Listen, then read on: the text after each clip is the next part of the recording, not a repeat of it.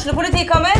Ine Jansen er purk. Er du purk? The motherfucking bitch. Alt jeg vil, er å finne ut hva som skjedde med mannen min. Jon Carew. Er jeg sikta for noe? Iben Akeli. Det er du.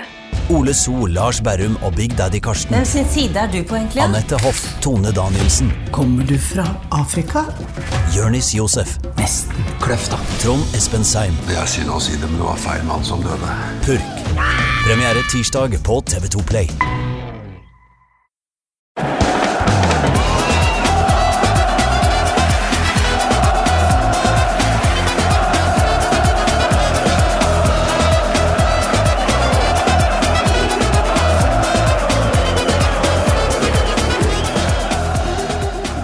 Hjertelig velkommen til eh, Pyro og Pivo. Synes du, litt som meg faktisk, at eh, Europaligaen begynner å bli litt vel kommers? Vel, da er dette episoden for deg, for i dag skal vi snakke om noe som ikke har eksistert før i år, nemlig Europa Conference League. Som har fått mange dårlige navn på norsk, som vi kanskje kommer innom. Kanskje dropper vi det helt. Eh, For meg er det i hvert fall Conference, eh, og jeg er i dette tilfellet Morten Galaasen. Med meg i dag så har jeg samla bandet igjen. For jeg har med deg, Petter Bø Tosterud, velkommen. Takk, takk. Og jeg har med deg, Trym Hogner, velkommen. Takk for det. Takk for at jeg ble, ble invitert. Ja, det har du egentlig ganske ofte vært. Eh, Men du har jo strevd litt med mm, fotballinteressen i eh, ja, i hvert fall godt over et år. Ja, det Eh, Begynt å komme tilbake nå. Eh, Litt sånn i tråd med at et lag fra din nye hjemby plutselig har blitt gode til å spille fotball. Og litt i tråd med at tilskuerne er tilbake eh, på stadionet rundt omkring. Ja mhm. Det er litt sånn, det er litt riktig. Altså, jeg tenkte, jeg tenkte litt på det, faktisk. for det, det Altså, Fotball for meg i mesteparten av mitt liv fra jeg var veldig ung, har liksom vært det viktigste i hele verden. da. Og jeg var veldig sånn altoppslukende på fotball. Jeg elska liksom eh, Da jeg var ung, så elska jeg Premier League, Champions League. Jeg syntes det var gøy med mm, å spille selv, breddefotball, eh, Løkka. Jeg syntes det var kjempekult å følge med på drakter som kom. altså Absolutt. Jeg, jeg spilte Fifa på, eh, og Striker på PlayStation og Super Nintendo. og etter hvert liksom, altså absolutt alt som har med fotball å gjøre. Og så bare gradvis, jo eldre jeg er blitt, så bare syns jeg bare så mange deler av fotball har blitt så sinnssykt dritt. da.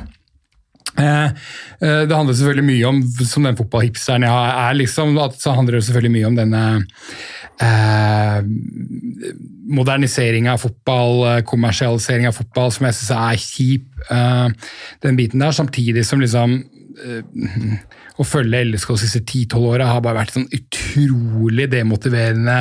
Hver eneste helg måtte gå og se dem liksom drite seg ut på det ene laget du nesten ikke har hørt om etter det andre. Men, men så har det selvfølgelig hjulpet en del det at liksom at LSK har begynt å vinne litt av matcher igjen, i hvert fall nå igjen, kall det lånt periode. da, fordi det er sikkert ikke, Hvis jeg er med her om noen måneder igjen, så kan det fort ha snudd veldig, det er jeg veldig klar over. Men jeg har også kanskje blitt litt mer bevisst på det, faktisk. Jeg har tenkt litt på det. at, at det er ikke sånn at jeg lenger trenger å være opptatt av absolutt alle delene av fotball. Jeg kan egentlig akseptere at, jeg, altså at jeg kan behandle fotball litt som et koldtbord. At jeg plukker med meg de tinga jeg har lyst på, så kan jeg bare la de andre greiene bare være, liksom.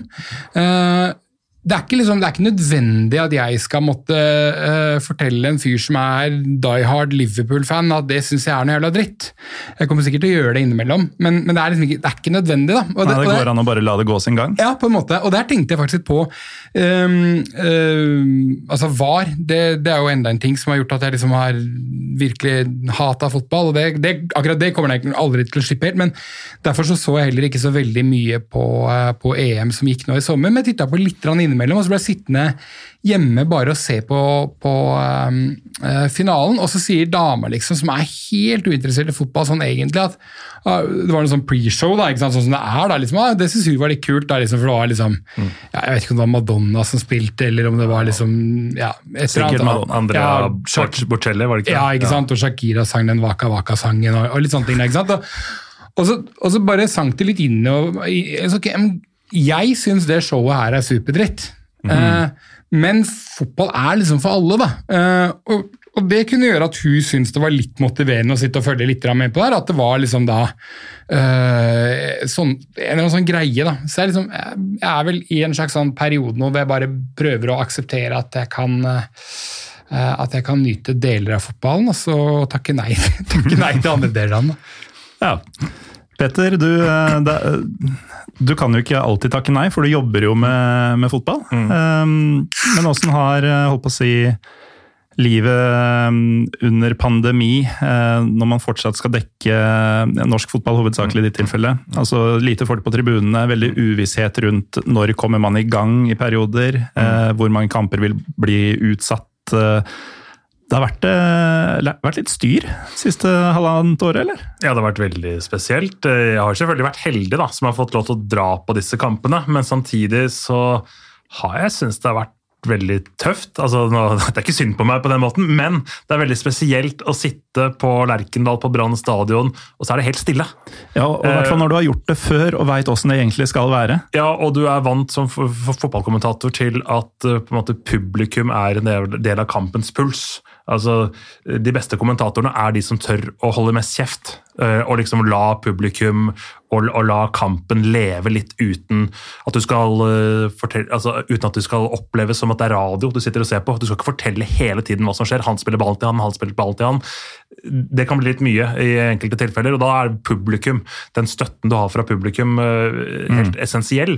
Men nå har man jo på en måte følt det på at du kan jo ikke på en måte la stillheten eh, hva skal jeg si, dominere for mye òg. Mm. Og da blir man prater veldig mye, så blir man plutselig veldig selvbevisst på hva man sier, for man hører bare seg selv. og Det har rett og slett vært litt sånn ekkelt, i hvert fall sånn i, i, starten. Og så hjalp det jo litt at vi fikk um, noen tilskuere på plass eh, på en del av kampene sist uh, sesong, og spesielt på de litt mindre arenaene. Så, så var det en veldig sånn ålreit opplevelse, da.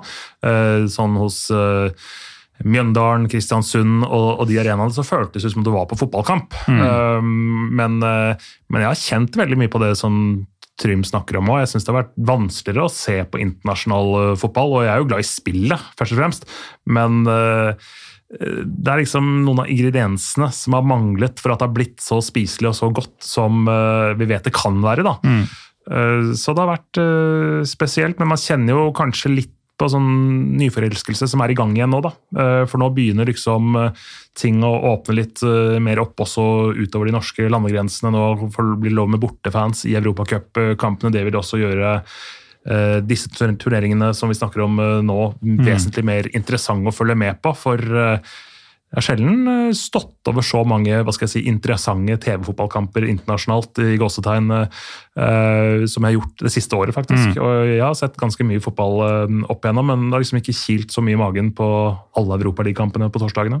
Nei, altså For min del så har jo de, de kampene som vanligvis ville vært ekstremt kule, og kamper jeg ville gleda meg til å se på TV fra mm. forskjellige ligaer og sånn, Eh, jeg har nesten ikke kunnet se på dem når det var på sitt verste, med sånn null, eh, som det ofte var. da.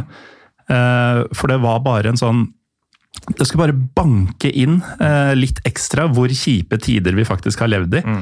Altså Der satt man i, i januar i år. Det var kaldt og mørkt og svart, og vi fikk jo ikke lov å besøke hverandre engang mm. i et par uker der. Og så skulle du sette på TV-en og kose deg med toppoppgjør fra Serie A. Hvor du, um, ja, du, du hører trenerne rope som kunne hatt litt sjarm, dersom det hadde vært i en sjø av andre ting. Men uh, nei, det Fotball uten fans, ass. Ja, Så kan man kanskje si at den tiden her har kanskje vært viktig. Eller ikke kanskje, definitivt vært viktig for mange klubber. For du ser betydningen av, um, av hvem som er på en måte klubben din. da. Altså, De som reiser land og strand og følger laget sitt, tar seg fri fra jobben på mandag fordi du skal se kampen på søndag mm. i Tromsø, eller om det er i Bergen eller eh, Stavanger, eller uansett eh, hvor det er. da, Fordi de er ekstremt betydningsfulle for fotballklubben. Selv om det er ti stykker som gjør det, eller om det er fem eller om det er 500 som heller skal ha det borte mot Sandefjord. Eh, liksom, det er, det er noe vi må være enda flinkere til å ta vare på. Mm. Nettopp de som ikke får betalt, i motsetning til meg når jeg reiser rundt på kamp. Jeg får ikke mye betalt, men bitte litt. Uh, får jeg, Og uh, de, uh, de, er ekstremt betydningsfulle. Så det er en liten sånn læresetning som jeg tror også klubbene skal sette to streker under. At vi må bry oss om de vi alltid har hatt med oss, men de er, de er jævla viktige, faktisk. Ja, og Det er jo en, en, opptur som blir en naturlig overgang til det vi skal snakke om nå. Fordi um, Noe av grunnen til at jeg fikk et nytt Europaliga-panel i fjor, var jo um, ja, For det første at Europaliga og Champions League har blitt stadig vanskeligere å skille fra hverandre. og Det har vært mye av de samme traverne, og vi hadde kanskje ikke så mye vi tre sammen å si lenger.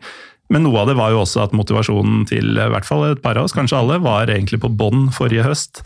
Eh, Når man visste det, at det ville være null folk, det ville være enda færre bortefans eh, osv. Men eh, nå er, er jo ting i ferd med å åpne opp, som du sier, Petter. Det kommer til å være lov med bortefans i europacupene.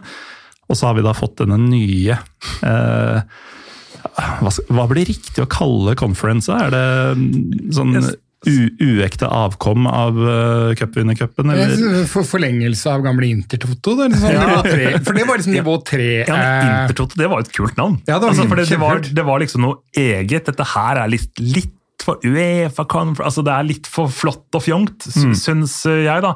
NRK kalte det vel Konkurranseligaen i et innslag her på nyhetene, for de skal jo alltid fornorske ordene. og I motsetning til andre ligaer som ikke har konkurranse.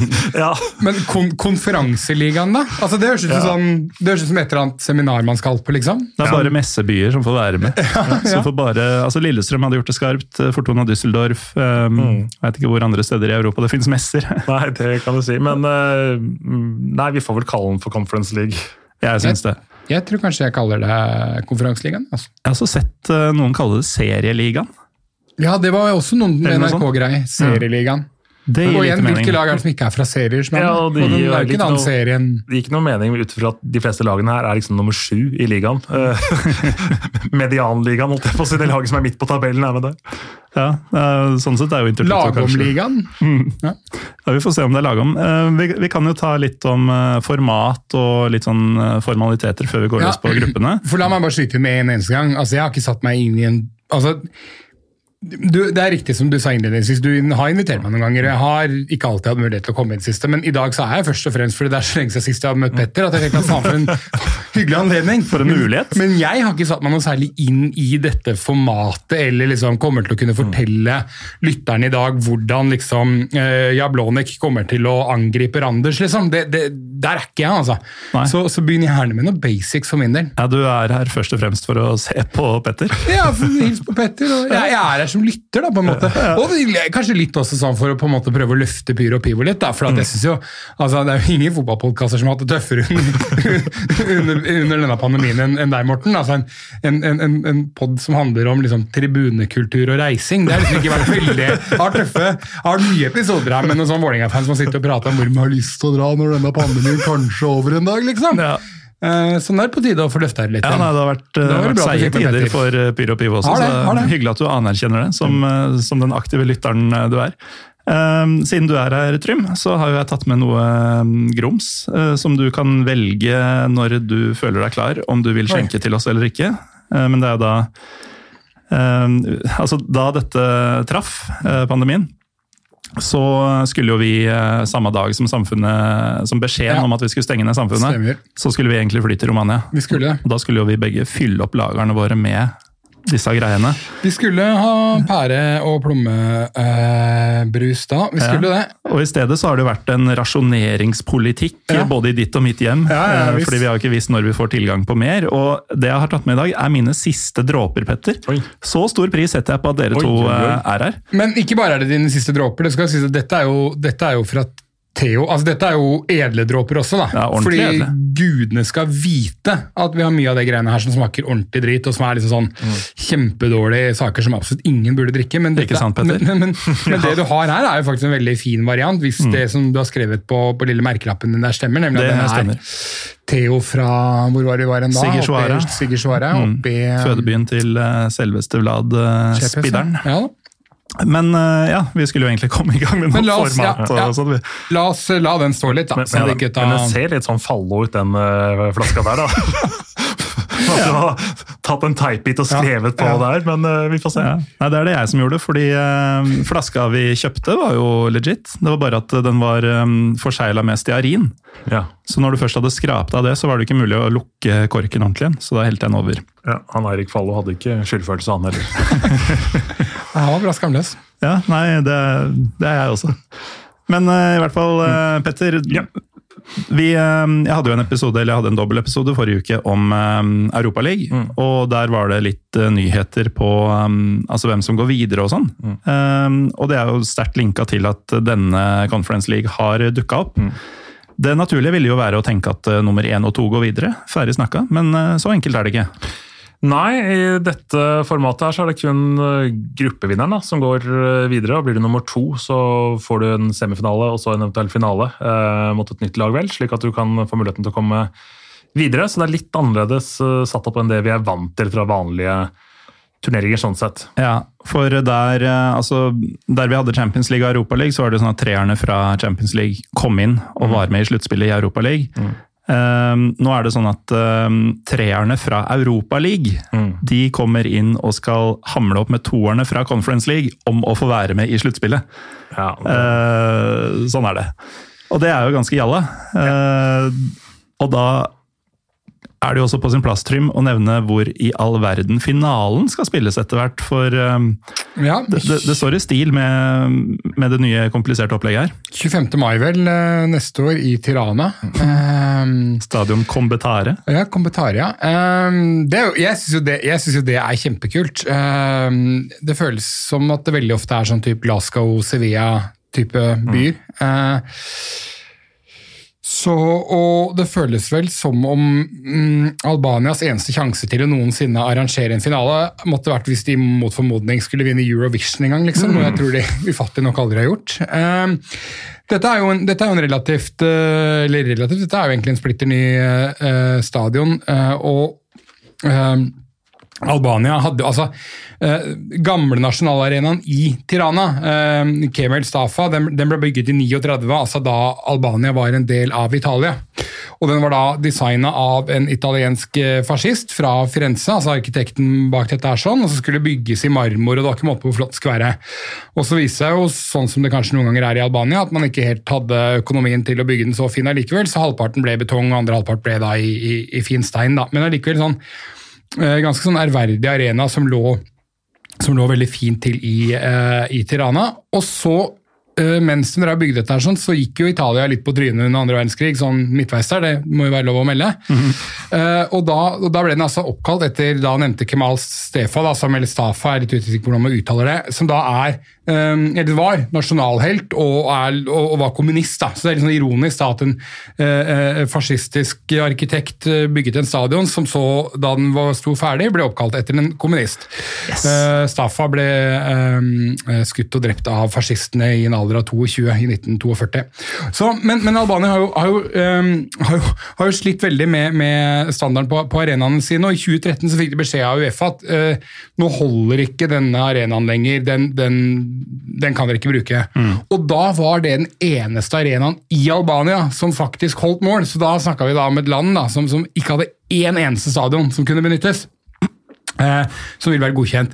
Så da begynte man, eller da Han hadde forstått den prosessen har pågått i mange år da, med å få bygget opp en ny arena. Eh, og, og, til slutt så, så, fikk man da til det. Men det er, det er en kjempekul stadion. Lytterne burde virkelig gå inn og så uh, og google den her, og, uh, og, aller helst selvfølgelig dra dit en gang. Jeg har ikke vært der selv, men, men Tenk om vi kunne reist i 25. mai 2022, Morten. Oho, ja. Da tar vi med Petter òg. ja, ja, det må vi gjøre da. Mm. Um, Der har de dårlig rake, tror jeg. det er fryktelig dårlig rake. Um, um, så Arena Kombetare høres jo veldig sånn tøft ut, men, men, det betyr jo egentlig bare nasjonalarenaen. Mm. Kjempediskusjon i Albania hvor, hva, hva, skal staden hete. Veldig mange mente at den skulle kalles opp etter Panjanot Pano, som er tidenes albanske spiller, fra um, Partisani. Ikke Partisan, men Partisani. Um, men fordi at det albanske fotballforbundet nok tenkte at den her skal selges ut til en eller annen sponsor, noen har blitt det er vel Air Albania, tror jeg, som mm. er um, ja, så, så ville de ikke da kalle den opp etter én person. Altså det de i stedet gjorde, var at de kalte opp tre av tribunene etter hver sin legende fra de tre Tirana-klubbene, altså Dinamo, KF og Partisani. da. Uh, og så er da, da hovedtribunen da fremdeles oppkalt uh, etter Kemal Stafa, da, altså den gamle, slik den gamle arenaen var. Uh, ironisk nok så er denne nye arenaen også uh, tegnet av en arkitekt fra Firenze, men forhåpentligvis ikke en fascist da i 2013. ligger da sentralt på i Tirana mellom Italiaplassen og Moder Teresa-plassen. Så Og det er jo litt sånn uvant med nye mm, swanky stadioner som Ja. bygges, at man legger det i eh, bykjernen. Dette, dette er ikke en sånn tysk variant der du liksom må ut i 25-30 minutter med tog, og så havner du liksom på en sånn Industriområde? Nei, eh, denne ligger Sånn sentralt der sånn, og det er liksom bygget den. Faktisk.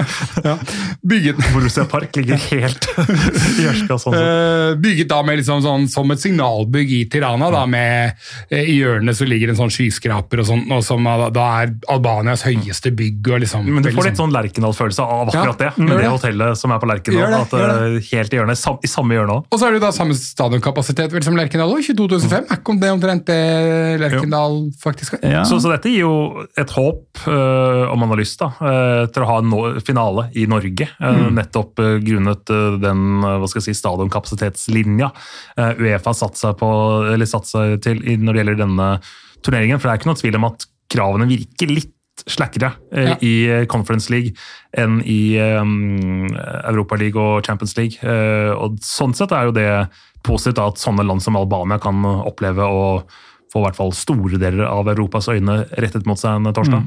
Så var det vel var det i fjor, Trym, at uh, supercupen gikk i Tallinn? Ja. Eh, Men Supercupen den var jo sånn at eh, veldig lenge gikk jo den fast i Monaco. Og så har Den har jo blant annet vært på Lerkendal, Ja, vel, ja. og den har liksom fått lov til å være på litt sånn forskjellige eh, arenaer. Så det er, det er en kul greie, for et av de mest duste uh, kravspekkene fra Uefa de siste kalde tiårene har jo vært at de ofte har satt sånn krav om hvor store stadioner skal være. Ikke bare for finaler, men sånn generelt sett også, uavhengig av hvor liten en by måtte være. Da. Det er jo helt meningsløst. Ja, og så er det. VIP-fasilitetene og kapasiteten på VIP-en som ofte har velta noen. Og, Ja, Vi så jo den der massive hovedtribunen i VM i Russland blant annet, som, som ble bygd ut altså fordi det Ja. mangla et par seter eh, der. og Det ser vi jo i, i mange land, hvordan stadionene blir skrota etter et mesterskap. fordi at det, det er ikke hensiktsmessig for dem å ha så store langsider eller svinger og diverse. Men, men eh, tilbake til det du snakket om, eh, bare for å henge meg litt eh, eh, opp i det. Hva syns dere om det formatet, da? Altså, så, så, som du snakket om, Morten, med at gruppevinnerne går videre, toerne gjennom playoff, det velter ned noen fra Europaligaen. Eh, jeg, blir litt sånn møkk lei, jeg. Altså, Fotball-EM er jo for min del ødelagt, Ja. eh, sånn som det er nå. Ja, At helt nå, er, nå er konseptet alle skal med.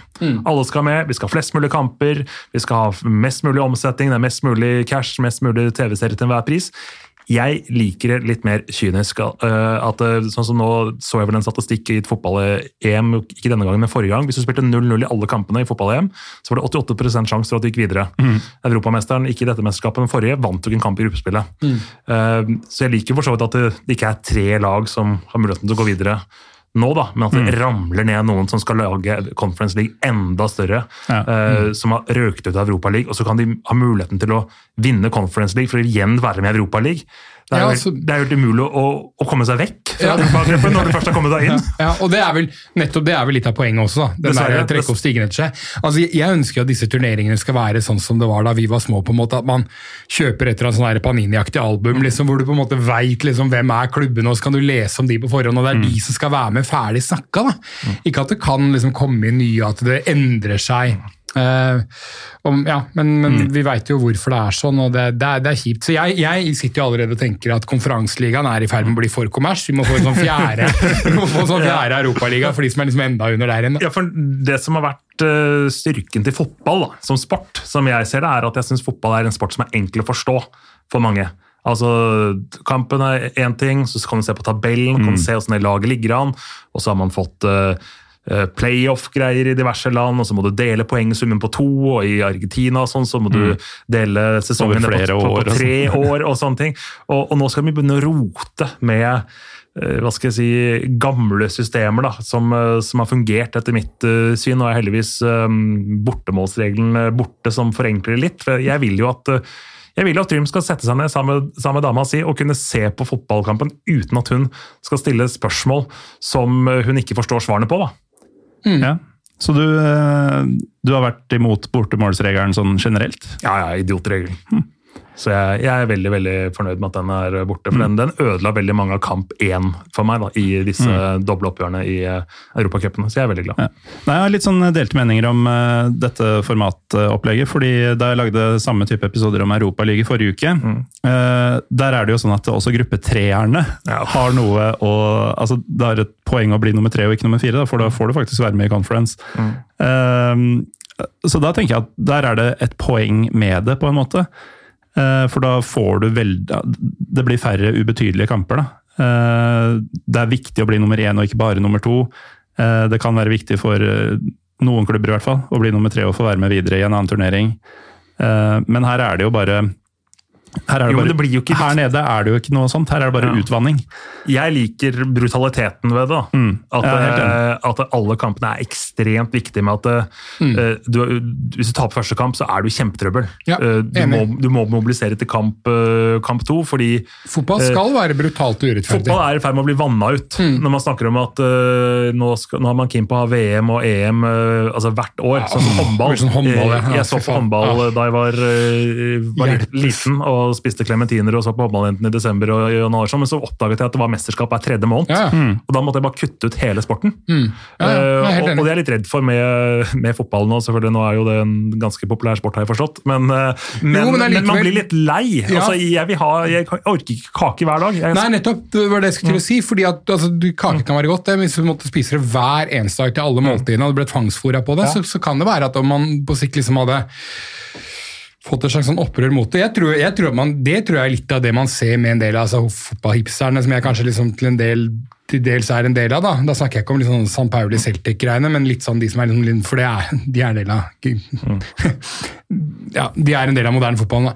Eh, Men, men dette her med å liksom dra og se på lavere nivå, dra på liksom jallaoppgjør, nyte andre deler av fotballen. Da. Du får en sånn større skille mellom mellom det som er denne toppfotballen og det som er det lavere. Og det er egentlig litt synd, fordi det er det som alltid har vært så kult, kult med fotball, nemlig det at du på en måte har eh, At det er veldig sånn Egentlig ganske kort vei fra hva skal jeg si, langt nede til høyt opp. da. Um, eh, så nei, jeg er ikke noe fan av dette her at alle liksom det, det, det føles som at det her kan være starten på en liga der man egentlig sørger for at i hvert fall Champions League, men også Europaligaen er ganske tett på det en del av disse klubbene prøvde å få til tidligere i år, nemlig at hvordan kan vi være helt sikre på at vi alltid har vår europaturnering der vi møter de andre store gigantene hele tiden. Eh, Og, og Uefas argument for dette da, med å, med å få inn denne turneringa, er jo at de sier at de skal ha flere forbund med.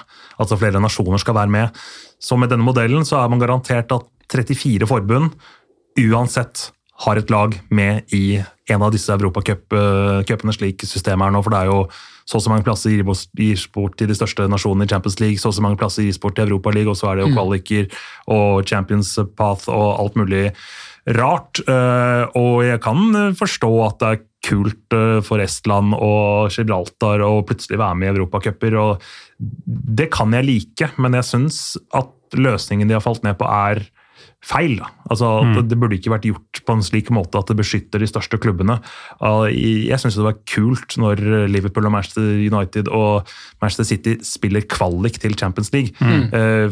For jeg er såpass gammel i hodet mitt at jeg Champions League det er mesterligaen, som NRK uh, Mm. uh, sier. da. Så alle disse navnene og begrepene vannes jo litt ut, men det er jo en helt annen episode. Det er det. Men uh, altså, hvis noen var bekymra for at vi um, skulle skyte litt løskrutt i dag, så har vi snart holdt på en halvtime og ikke begynt på det vi egentlig skal uh, snakke om. jeg har nevnt Jablonek og Randers. da. Det har du. Eh, apropos Randers, så er de en av eh, så vidt jeg kan se, åtte klubber som debuterer i et europeisk gruppespill. Eh, Alaskert, uh, Flora Tallinn, Kairat Almaty, Lincoln Red Imps, uh, Randers som du sier, Mura og Union Berlin, i tillegg da til Bodø-Glimt. Mm. Uh, ikke- trenger ikke å dvele ved det, for vi skal jo gjennom alle disse gruppene. Men eh, det, det underbygger jo litt av noe av poenget du eh, kom med, Petter. At eh, alle får være med. At Ja, man har med lag fra Gibraltar og Armenia og um, ja, først og fremst de to, kanskje, og Estland, ikke minst.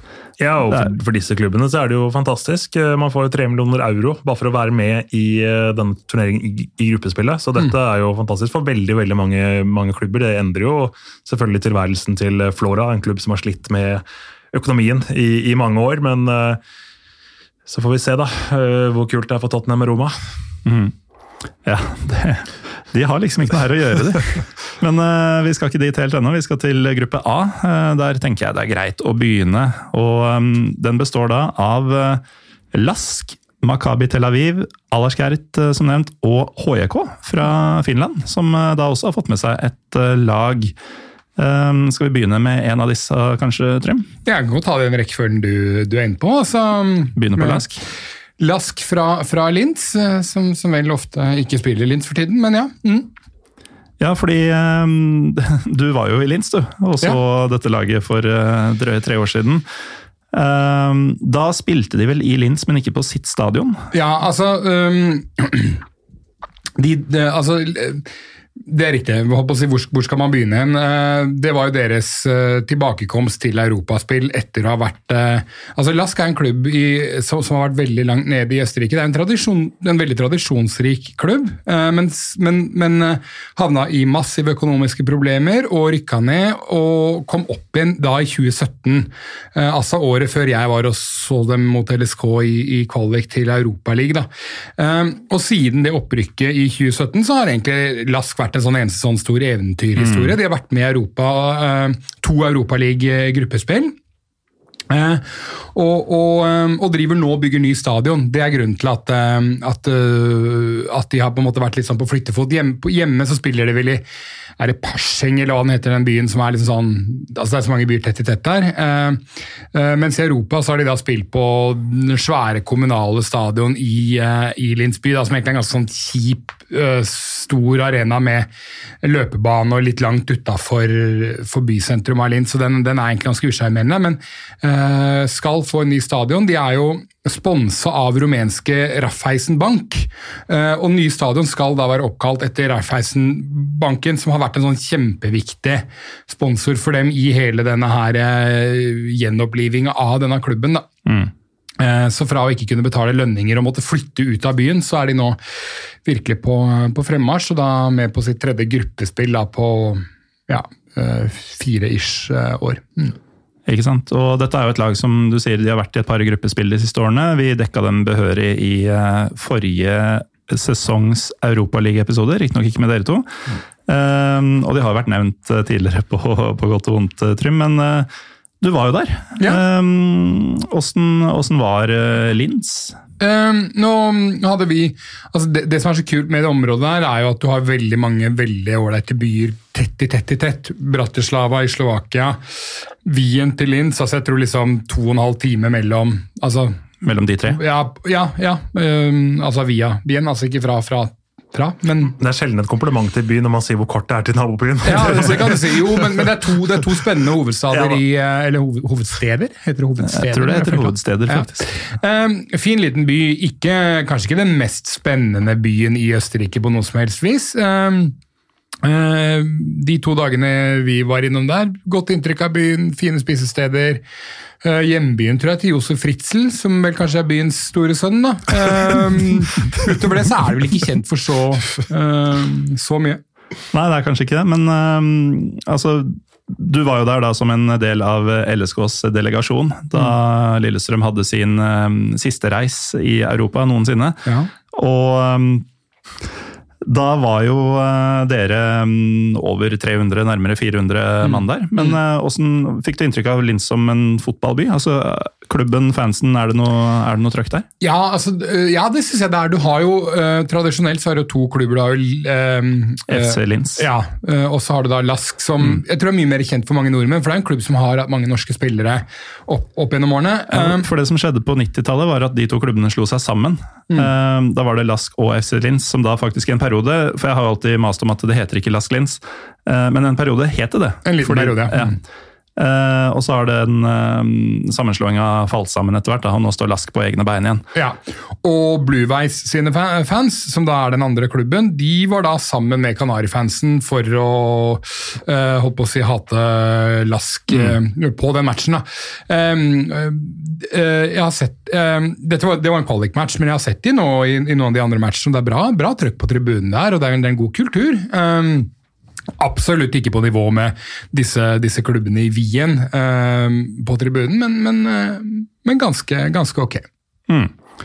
Og eh, så veldig mye mer er det kanskje ikke å si om Lask, eh, som ikke har blitt Nei, satt uh, ikke før. annet at, og det tror jeg kanskje også vi har vært inne på her før, men dette er jo sånn gullområde å reise på fotballtur når verden etter hvert åpner litt mer opp. Mm. Nettopp av den årsaken jeg sa. da, Du har kjempemasse byer med ulike uh, klubber veldig tett i tett i tett. Eh, og dette er definitivt en av dem. Klubb som, som helt åpenbart har gjort masse riktig de siste åra. Fjerdeplass i Østerriksk liga i fjor. Ja.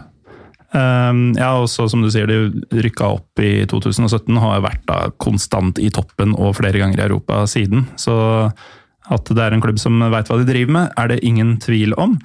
Uh, litt større tvil om de veit hva de driver med, er det kanskje mange som har til uh, Makabi Tel Aviv. Uh, for israelsk fotball, det er ikke det folk uh, er spesielt inneforstått med, kanskje. Uh, men det er jo noen her da, som har vært og sett litt uh, ball der. Ja, Jeg så riktignok ja, det. ikke eh, dette Tel Aviv-laget eller dette Makabiet, eh, men jeg var i Tel Aviv og så Hapoel Tel Aviv, mm. deres byrival. Eh, Og da var det sånn at de drev og bygde om eh, stadion i Tel Aviv, og klubbene måtte da dra til nabobyen, sånn apropos eh, det samme med Lask, Peta Petah Tikva, og spille kampene sine der. Eh, Da, altså Makabi er jo den, eh, det er vel den mestvinnende klubben i Israel. Eh, sannsynligvis da også den største. De har i hvert fall flest ligagull. Eh, ble nummer to i fjor, bak eh, Makabi Haifa, som eh, er da det Makabi jeg så på den turen. Eh, de de spiller jo nå i Tel Aviv igjen og har fått et nytt og flott stadion der. De har Tal Ben Haim, eh, og så tenker mange kanskje ah, han husker jeg! Ja, for det er flere. Ja, det, det Ja, for du husker ikke han, nemlig. Dette er da ikke den berømte stopperen, men den ukjente angriperen. Uh, og som også i perioder, uh, da de spilte samtidig, så har han faktisk vært omtalt som Tal Ben Haim 2. Ja. Det er ganske Ja, det er jo det er en Simpson-joke, faktisk, Ja. fra en eller annen episode på 90-tallet. Ja. Ariaga og Og Ariaga. Ariaga 2 Ja. og Bariaga. Men, men, men, men det er en klubb som, for de av oss som er litt glad i basketball, så er dette en velkjent klubb. For det er jo en av de, uh, I europeisk basketball så er dette en av de virkelig liksom, dominante klubbene de siste 30 årene. Kjempe, kjempebra der. Mm. Uh, men uh, Makkabierne det var et sånn krigerfolkeslag fra Judea. Er det derfor mange klubber heter Makabi i Israel? Jeg er litt usikker på Det, det er helt sikkert linka, eh, men så vidt jeg har skjønt så er Makabi en sånn um, ungdomsforening-variant. Ja. Um, men det kan også hende at jeg blander med Hapoel nå, som også veldig mange klubber heter. Jeg eh, googler det nå heter. veldig raskt. Ja. I mellomtida så kan jeg jo si at um, selv om det var Hapoel jeg så, da, så fikk jeg jo inntrykk av at det er veldig levende kultur eh, i, i eh, Tel Aviv generelt. Uh, Hapoel den noe mindre klubben, men eh, Ultras Hapoel, eh, som jeg også så basketkamp med dagen før jeg så fotballkampen, eh, de har denne østmiddelhavske eh, greia inne. Og um, Makabi er jo da jeg holdt på å si den større og sterkere broren her. Um, utover det, så altså de ble som sagt nummer to i fjor. Eh, Makabi Haifa vant, som vi skal snakke om uh, seinere når vi kommer nedover, for de er også med.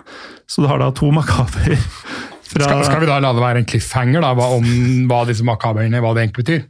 Uh, Ja, vi kan jo egentlig det. Fordi uh, Makabi Haifa var jo Så blir lytterne med oss videre. Så ja.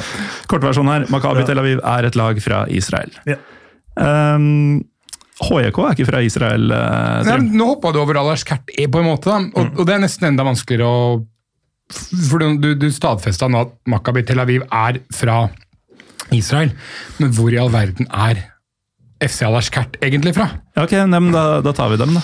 Ja, ja, ja og, og det er egentlig en ganske god overgang også, fordi i Jerusalem, som for så vidt ikke er Tel Aviv, så har du denne gamlebyen som eh, hele verden kriger om, eh, som er delt inn i fire mm, ganske mm, spesifikke deler. Du har den kristne, den jødiske, den muslimske og den armenske. Så fra Israel til eh, det vi tror er Armenia, Trym. Ja, eh, fordi dette er en klubb som da i utgangspunktet kom fra en liten by i, eh, i Armenia som heter Martoni. Eh, Men Alarskert, det er da eh, noe som i dagens Tyrkia heter El Ellerskirt, kan det være riktig? Det høres riktig ut. Gallosen?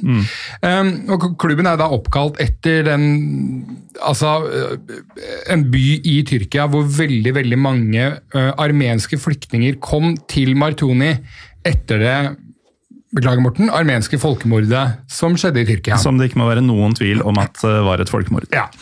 Um, så, så, så de er da på en måte oppkalt etter en stor kall det flyktninggruppe, men de er jo egentlig heller ikke fra uh, Martoni, fordi at de holder til i hovedstaden Jerevan. Mhm. For dette er en klubb som har vært uh, lagt ned og gjenoppstått og, og stifta på nytt og, og flytta litt og sånt nå, så nå er de da i i Jerevan, men jeg hang meg jo helt opp i For jeg var jo ikke så interessert i, um, eh, i um, hvordan denne klubben har gjort det, så jeg ble jo veldig opptatt av denne lille byen Martoni som de ikke lenger hører til. Ja, da, og da um, fant jeg ut at det er en sånn bygd som er, er veldig rykta for å, å være en sånn eh, cannabisproduserende område. Så politiet har raida Martoni veldig ofte, men, men stort sett så har de bare funnet hemp. Eh, Så det, så det er fortsatt ikke bevist at dette her er et sånn kjempeområde for cannabis.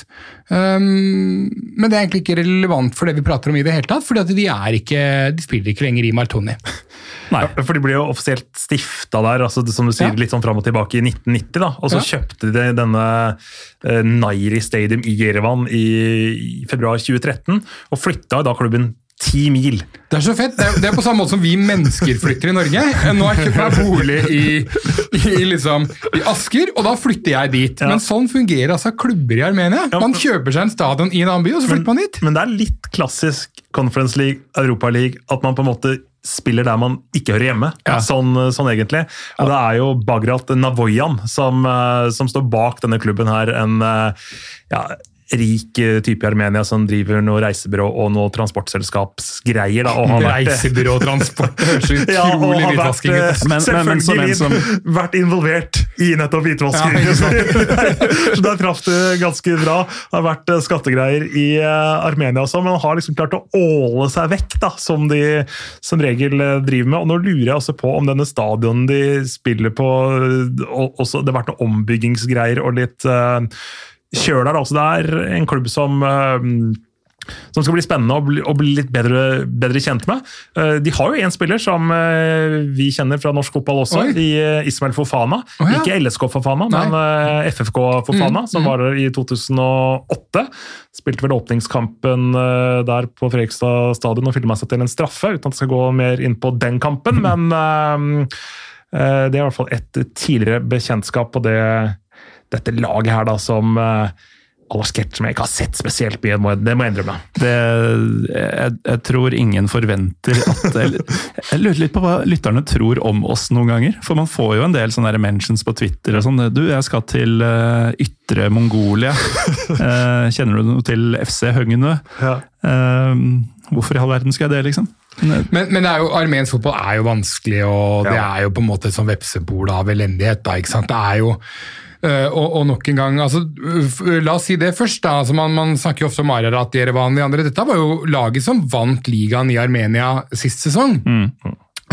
Men det var en marerittsesong for, eh, for armensk fotball og armensk eliteserie, som da eh, ble satt på vent i, i en god periode pga. denne halvannenmånedskrigen i Nagorno-Karabakh, altså et område som det stadig vekk bryter ut krig. Og, og nok en gang så var det jo en dessverre mange tusen mennesker som døde på, eh, på begge sider. Heldigvis ikke så mange sivile denne gangen, men veldig mye eh, mange som kjempa og, og mistet livet. Og, og, og, flere av de som kjempa der på armensk side eh, og døde, var kjente idrettsutøvere fra Armenia, også fra armensk fotball.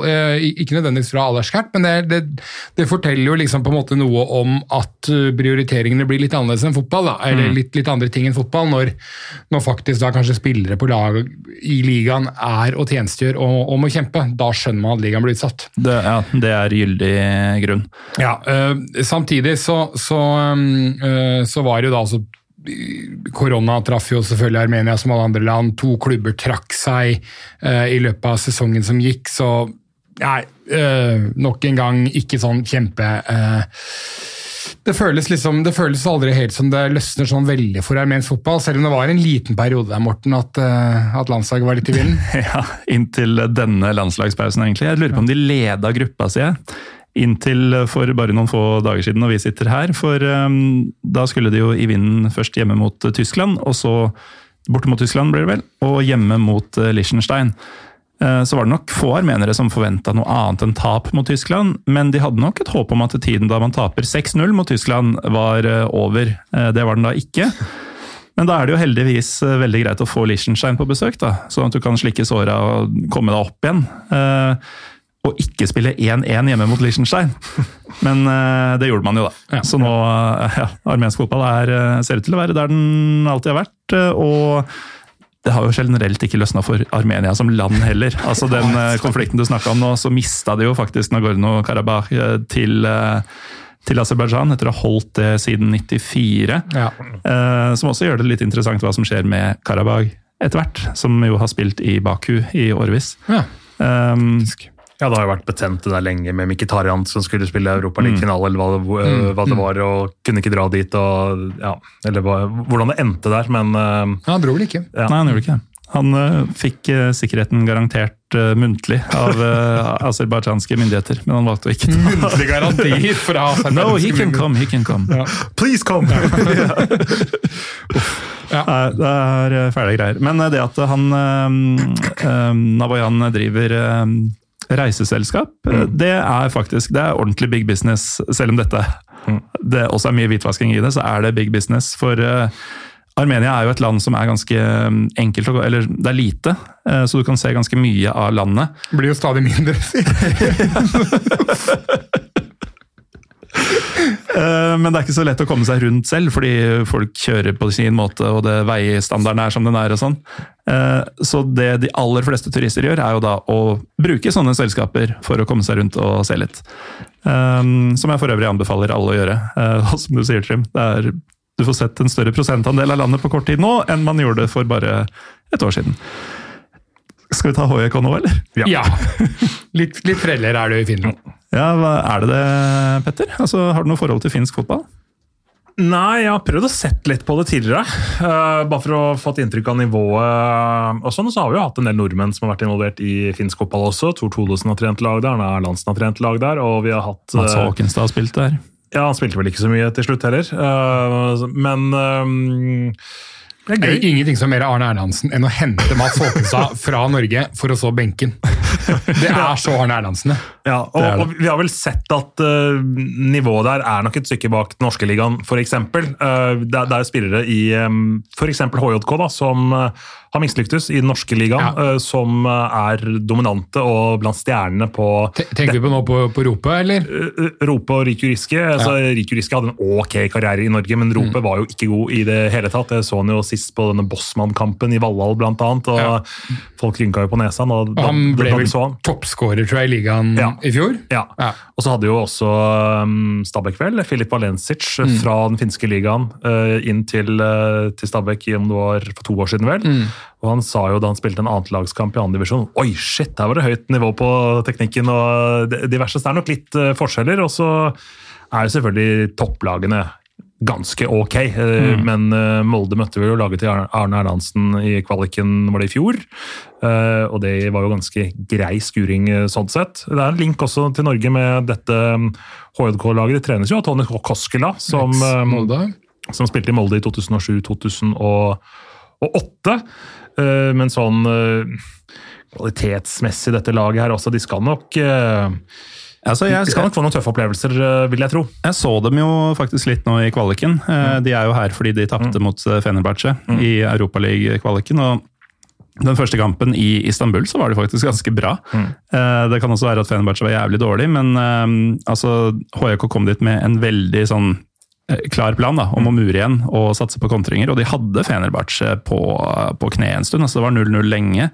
Eh, Den tyrkiske mentaliteten er jo eh, gjerne å bli litt frustrert, i stedet for å samle seg og være litt sånn Gjermund Aasen. Vi har fortsatt et kvarter igjen å gjøre det på, la oss gjøre det. Mm.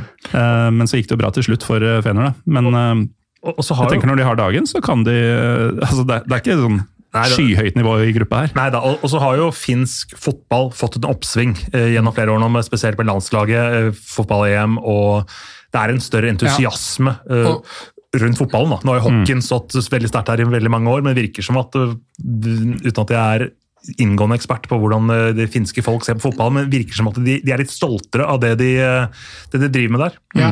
Og, og, og det er jo tross alt en klubb som da har tre landslagsspillere i den finske troppen, Ja. som, som har vært ganske ok i det siste. Og det er også en klubb som har vært i Champions League-gruppespillet en gang, faktisk. Og, og, ja, og, Team Sparv, som jo er en sånn pyro pivo-mann, er jo en stor profil i nordisk fotball. og jeg hørte faktisk, Apropos det med at det fins fotball litt i vinden, og sånt, jeg hørte det i, i den eh, forrige episoden du gjorde da, om Europaligaen, så var det litt inne på det at, dette finske landslaget nå hadde en del eksotiske navn. og sånt, og det er jo Litt av greia med Finland er at Finland starta jo eh, seinere enn Norge, Sverige og Danmark med eh, innvandring og det å ta inn flyktninger, arbeidsinnvandring osv. Mm.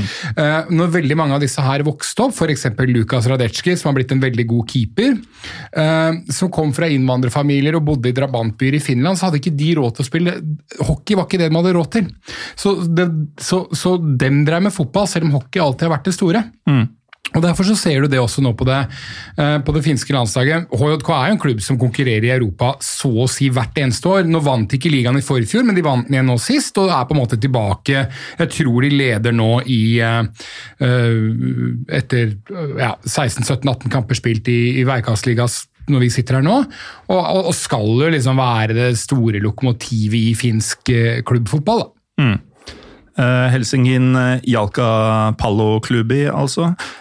Husker jeg riktig, Trym, at du har vært en del i Finland i yngre dager? Ja, ikke en del, eh, men jeg har vært og sett HJK um, live i um, Baltikums datter, som, som Helsingfors eh, kalles. Um, det er jo Av hvem? Nei, jeg vet ikke. Det er, det er kallenavn eh, byen har, da.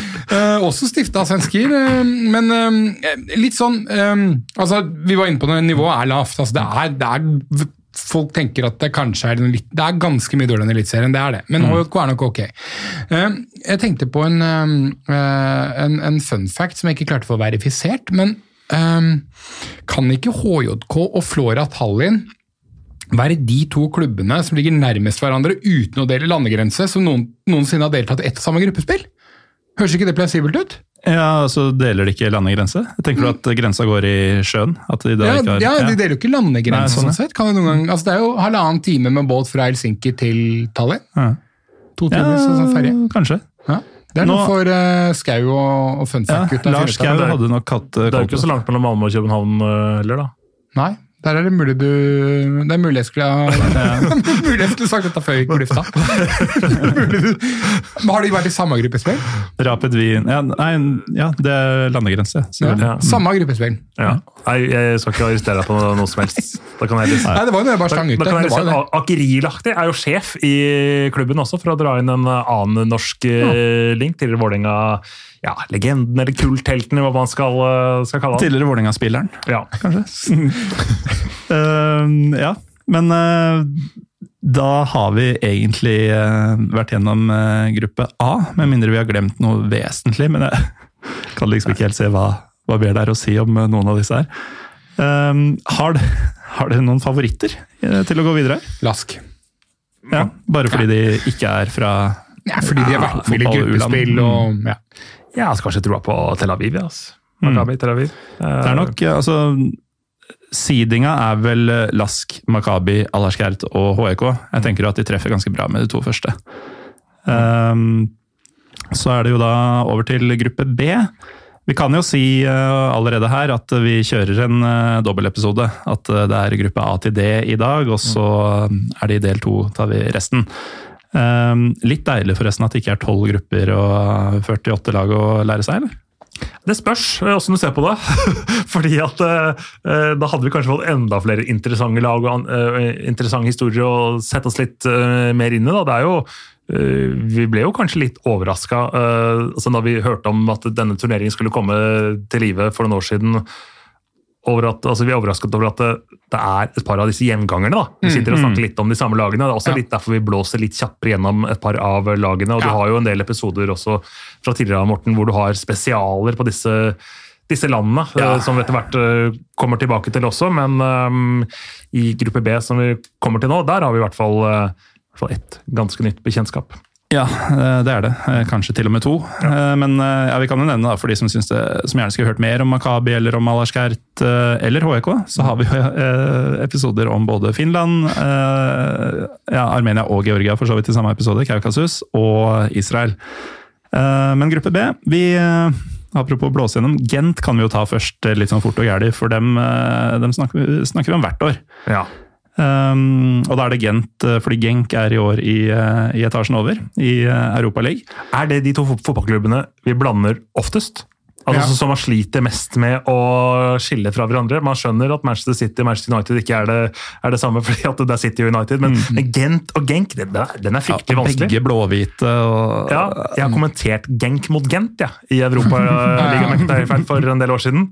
Det var, det, det var stressende å tenke på. Jeg prøver alltid å huske på hvem det er som har indianerhøvding som logo, hvem som Mm. har den G-en, men jeg klarer det aldri. Men, men dette er indianerhøvdingklubben. Buffalo-gjengen Buffalo- Buffalo, Buffalo-gjengen som Buffalo- møtte Vålerenga vel eh, Ja. ja, og det er jo litt sånn derfor det er hyggelig å snakke om Gent. da, At de eh, massakrerte Vålerenga på den måten de gjorde. Fordi uavhengig av hva jeg eh, har sagt eksplisitt i en episode Ja, stemmer det. Du har litt høst, eh, regnskap å gjøre opp, du. Ja. ja, så holder jeg da på ingen måte med Vålerenga. Um, og Apropos det, så har vi allerede snakka om dem. altså Gent har jo vi snakka om flere ganger tidligere. Det har også blitt snakka mye om dem nå i sommer. fordi Før sommerferien så var Lars Gau her og hadde en preview av de norske lagenes um, motstandere i kvaliken, da man snakka litt om Gent i forkant. Og så var han og Per Karsten Nordhaug her og snakka om da de var i Gent og så Gent mot uh, Vålinga. Um, så det aller meste har jo egentlig blitt sagt. Um, jeg har vært der sjøl, uh, med matforgiftning. Uh, noe som gikk opp for meg under kampen. Dette var i februar. Så var det allerede ganske kaldt, og det var nok noe um, det var noe fransk cuisine fra dagen i forveien som ikke satt så godt med meg. Så jeg um, satt og skalv og så en forferdelig kamp som endte 0-1. Altså, når du er nøytral på en fotballtur, så er det aller verste som kan skje, er at bortelaget vinner 1-0. Gjerne litt sein scoring, som det da selvfølgelig kom òg. Så det er liksom ingenting å glede seg over. Når du i tillegg da uh, sitter i minusgrader og er matforgifta, og ca. hvert 12.-13. minutt må løpe på dassen som var av uh, subpar standard, uh, så er det i hvert fall ikke noe hyggelig. Så Gent har jeg ikke noe, noe gode minner fra. I hvert fall ikke før de slo ut Vålerenga, da. Men det var vel en av dere som nevnte tidligere at dette er turneringa for laga som blir nummer sju i serien. Ja. Det ble jo faktisk Gent i fjor, Mm. men de har jo da sånn playoff-opplegg. Så de, eh, de ble nummer sju i eh, ligaen. eh, Havna da i, på nivå to av den belgiske playoffen. Og vant den, sånn at den holdt på å si effektive plassen eh, ble femte. Og der lå det en conference-plass. Ja, altså- Skulle nesten ikke vært lov. Nei, det er det er ikke lov hypercube her og der som vi eh, hadde dette prosjektet på i Norge for noen år siden, hvor vi liksom skulle kopiere diverse modeller, og det ble lagt fram forslag om hvordan Eliteserien eh, burde formes da, for å skape mest mulig interesse. Jeg merker jeg bare blir uinteressert av å se på den tabellen der. På, på måten eh, der, for jeg, det, det, man blir helt uh, svimmel. eh, og som du sier, det meste er sagt om uh, Gent. Vi kan jo igjen legge til at Hanke Olsen spiller jo der. Vi må trekke fram uh, de, de, de norske tingene vi har med de forskjellige lagene, men eh, det er et eh, lag det er litt sånn bra liv rundt òg, da. eh, på, på tribunene og sånn. Så det, det kan være fine rammer rundt en del av eh, kampene, spesielt når, vi, når de møter det neste laget vi skal ta for oss. Da du sa en norsk link, så kom jeg på at det er både en norsk link og en Pyro Pivo-link her også. Fordi den kampen jeg så, så spilte Erlend Hanstveit for Gent. Ja. Eh, Dette var tilbake i 2010, og han har jo vært gjest på Pyro Pivo så seint som i år. Ja. Så der har du den. Mm, takk. Men eh, et lag som vi også har snakka mye om i Pyro Pivo-historien, Trym, men som vi definitivt ikke skal blåse kjapt gjennom, fordi eh, det er jo en så fin klubb. ja, det er en fin klubb! Ja, Hvis jeg sier Tsernobeli, hvilken klubb er det vi skal snakke om Da er da? det de, da er det de eh, hvitsvarte fra, fra eh, Beograd, da, Partisan, som er tilbake i et gruppespill i, eh, i Europa. Altså, La det være klart, da. Partisan har mista Ikke for, forsprang hadde man jo ikke, men har havna et godt stykke bak Røde Stjerne de siste årene, sånn um, sportsøkonomisk. Det har de etter å ha vunnet veldig mange ligagull på rad, Ja. mens Røde Stjerne lå bak. Ja. Eh, Men nå er det, akkurat nå føles det som det er litt sånn grunn til optimisme igjen. Akkurat når vi sitter her i dag, ligaen er jo bare seks kamper ut, men, men leder ligaen akkurat nå. eh, Og har fått tilbake Aleksandr Stanojevic som trener foran årets sesong. En, en fyr som da eh, var der og tok Partisan til Champions League i 2010. Uh, kjempepopulær i, liksom, blant Grubari og fansen til Partisan, uh, men ble da sparka året etter. Litt sånn der, og Det var litt sånn der Kåre Ingebrigtsen-aktig da han ble sparka i Rosenborg. Fansen møtte opp utafor stadion og sang, og det var noen sånne bisarre pressekonferanser. og Stå og dansa med assistenten sin. masse, masse rør, da. Så, men nå er han tilbake.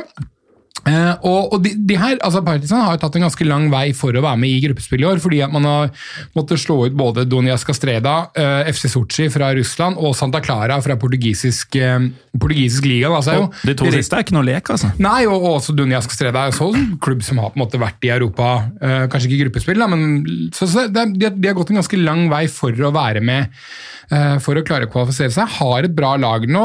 De fleste av lytterne vil kjenne til Azar Markovic, f.eks. Uh, I tillegg så er jo en å se opp for er Nemanja Jovic, 19 år gammel drible, driblekant, venstreving, som er sånn helt sikkert kommer til å gå til typ Benfica eller Atalanta eller et eller annet, og feile totalt og være tilbake i serbisk liga om fire år, men, men akkurat nå er superspennende. Eh, Eget produkt, antar jeg. Ja. For dette er jo et av de aller beste akademia i hele Europa. ja, Og så har du fremdeles Milos Jojic også. Ja. ikke sant? og, og har en bra sentrallinje. Har fått tilbake din eh, favorittspiller i Serbia, Morten. Ja, ja eh, i hvert fall én av dem. ja. Eh, du kunne jo glede meg med melding om at eh, nå var Nemanja Miletic tilbake i eh, Partisan, og jeg har ikke fulgt så godt med, så jeg tenkte at å, betyr det at eh, endelig skal, skal Nemanja Miletic eh, spille forsvar sammen med Nemanja Miletic igjen? Men der måtte du skuffe meg. Ja, dessverre. For Nemanja Militic spiller UFA. Men Ja. Nemanja Militic er tilbake i eh, og de har en bra sentrallinje. Bibras Nacho, som jeg tror har en del landskamper for, for Israel, går med spissen. Det er, det er et ganske bra lag nå. Eh, klubben var livredde eh, foran den siste, siste kvalikmatchen. Egentlig både match mot Sotsji hjemme og, og Santa Clara. Eh, og måtte gå ut i alle sine sosiale mediekanaler og be sine egne supportere innstendig om å være så snill, ikke finne på noe rør. Ikke liksom la dette her bli en greie der det kastes ting ut på banen, der det ropes ting som resten av Europa syns er ugreit. altså liksom Vær så snill, hold dere innafor noen rammer nå, fordi vi har fått veldig veldig klare føringer fra Uefa at vi har ingenting å gå på. Blir det noe kødd her nå, så blir vi kasta rett ut av turneringa. Dette er kjempeviktig for klubben økonomisk å komme inn i et sånt gruppespill. At ikke det eh, omdømmemessig. Ja, omdømmemessig også, men også at det- dette økonomiske forspranget til eh, eh, Svesta eller Rød Stjerne ikke blir for stort. Da. Så klarte supporterne å, å oppføre seg. og Men det måtte såpass til. ja da, ja da. Um, og er nå inne i gruppespillet som sagt, etter å ha gått en, en lang vei for å være med. Altså, Så gøy. Mm. Ja, for dette er jo gutta dine. Ja, det syns jeg jo det er. Du har jo til og med sett dem på bortebane i Europa, du. Ja da, um, det har jeg, og det tror jeg faktisk jeg skal igjen. Um, jeg så det i Molde for hva kan det bli nå? Sånn Tre år siden, kanskje? To-tre år siden. Ja, før, 18 eller 19. ja. Kjempegøy. Um, alltid, alltid kost meg i Molde. Um, nå håper jeg veldig at jeg skal få muligheten til å se dem i, uh, i Estland, og ha muligens som flybilletter dit. Så får vi se om, det, om, om verden tillater det. Ja, eh, for verden har jo tillatt at eh, Estland har med et lag i gruppespillet. Definitivt. Hva mm, Altså, Flora Tallinn, Petter. Det er jo en klubb man alltid har hørt om. Alltid eh, holdt på å si både har latterliggjort og respektert. Eh, Respektert fordi de er så latterlig overlegne i eh, ligaen sin. Ja. Latterliggjort fordi de er i den latterlige ligaen som de er i. Uh, har du noe forhold til uh, verken Flora som klubb, uh, Estland som land, Tallinn som by?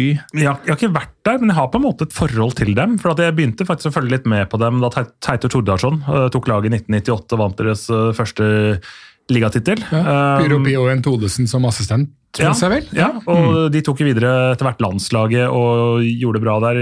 Lurer på om de rykket opp 71 plass på Fifa-rankingen, og de fikk litt oppsving på, på fotballen, selv om det har vel ikke tatt helt av med, med Estland. Det, det, skal vel, det skal vel sies. Og så husker vi også denne fantastiske 2003-sesongen deres, også, hvor de vant ligaen uten å tape en eneste kamp. Og Tor Henning Hamre eh, hamret jo inn 39 mål, og vi visste jo ikke egentlig hvem, hvem er det, eh, tenkte vi. Og han var jo aktuell for å vinne Van, The Golden ja, Boot. og Han og Mario Chardel som konkurrerte om det, vel? ja, og det, plutselig så var det sånn Sover norske klubber. Han er jo en målmaskin uten like. og Så så var han jo ikke det da, når han skulle spilt for andre klubber, og det sier jo også litt om eh, Ja, Erik, Nivået Erik Midtgarden så jo ut som Andrea Pirlo der. Var ikke all verden i i, i, i ligaen. og eh, men, men jeg har ikke sett eh, noe særlig med fotballkamper der de siste årene, må jeg innrømme. Men det er jo norske bekjentskaper der. Matte Igonen er jo i klubben.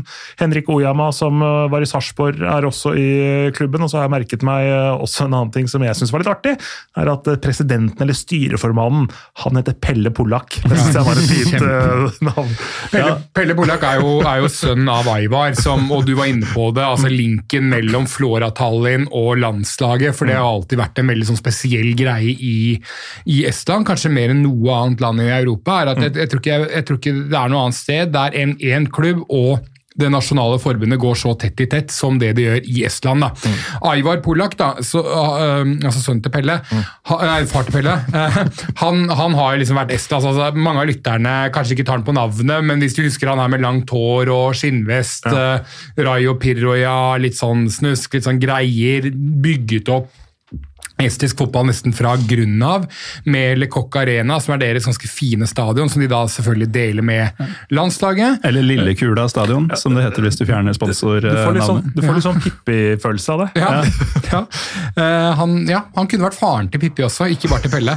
Um, så, men men, men um, dette her er altså um, Jeg tror siste bare sjekka siste liksom, Apropos landslag, siste landslagstroppen til Finland, tror jeg, nei, Finland til Estland, tror jeg det var med ti spillere fra Flora Tallinn. Eh, og det er, sånn, det er veldig vanlig. da, Dette er ikke en klubb som, eh, i motsetning til en del andre klubber fra Baltikum som innimellom gjør det bra, så er det ikke så, dette er ikke en klubb som importerer masse spillere fra mange andre land. Det er importerer ingen. Nei, det er estiske spillere hele veien. Da. Jeg, tror nesten ikke de har Nå har jeg ikke sett en oppdatert uh, tropp, men jeg tror nesten ikke de har en eneste utenlandsk spiller i, uh, i troppen. Nei, så vidt jeg kan se, så er alle estiske. Ja, og der er det nok ganske unike, da, sammenlignet med alle de andre lagene i, i her, og de som har kommet seg videre. fordi at ja, det finnes andre små lag her, men at man har kun eh, egne spillere sånn sett, så har de selvfølgelig hentet fra andre klubber, og Ja.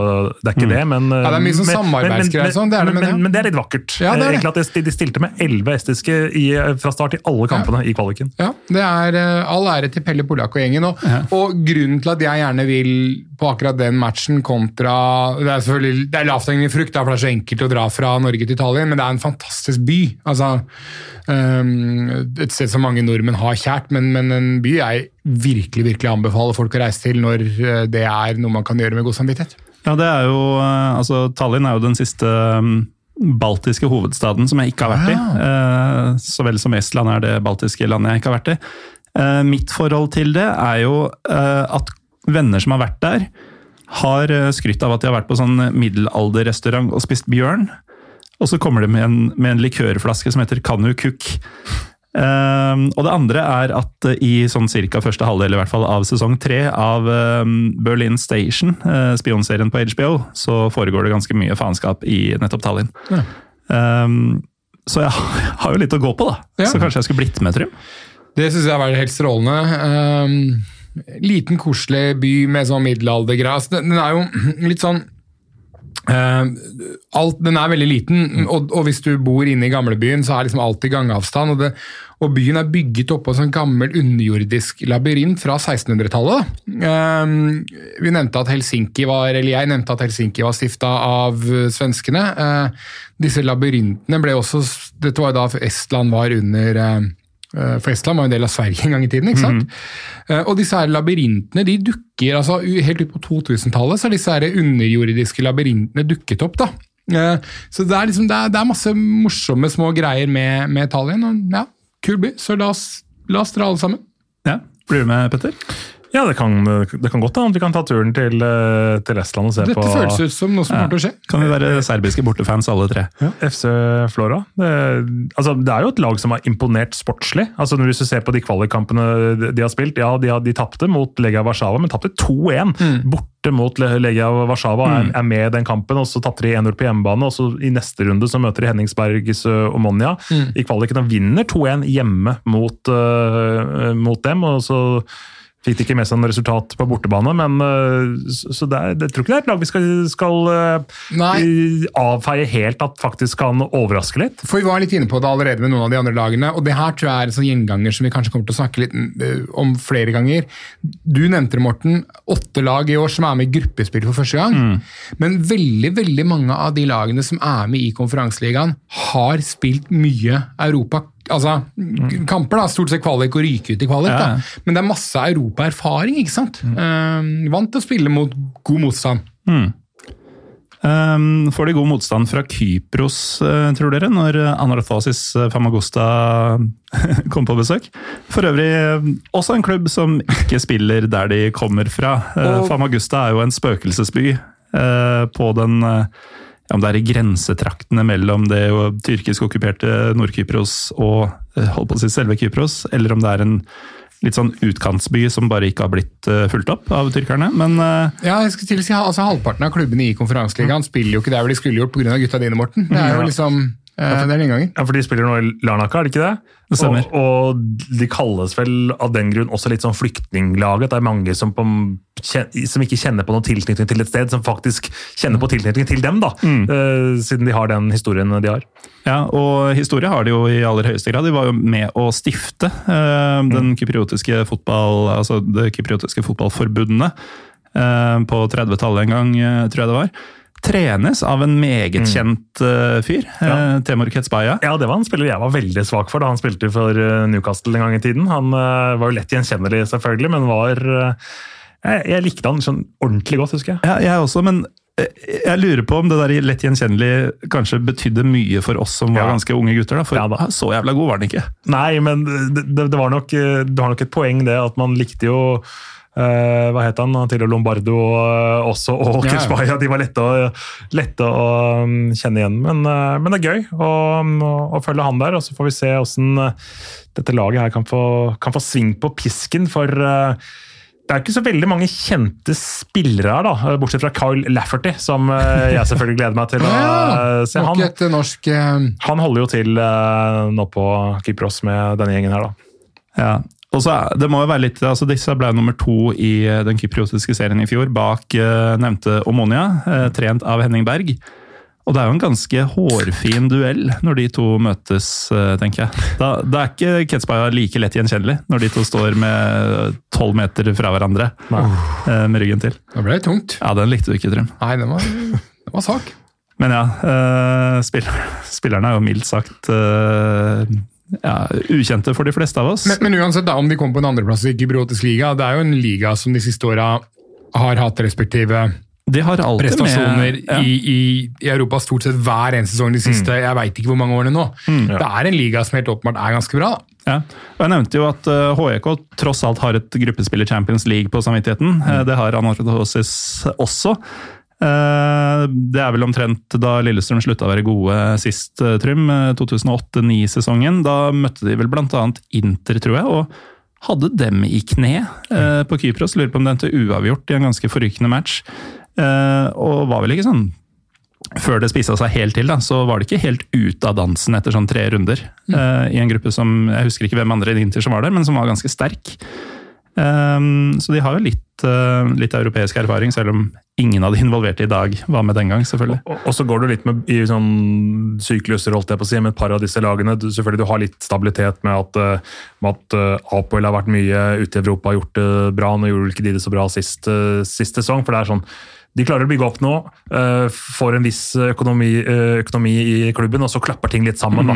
Eh, Og det har de gjort i den klubben her også. De klappet vel sammen for en seks-sju år siden, om ikke husker helt feil, og så har de klart å bygge seg opp igjen etter det. For det skal sies, Kypros er et lite land, og det er jo disse klubbene som har suksess, er jo så å si aldri basert på at de f.eks. har utvikla masse egne spillere.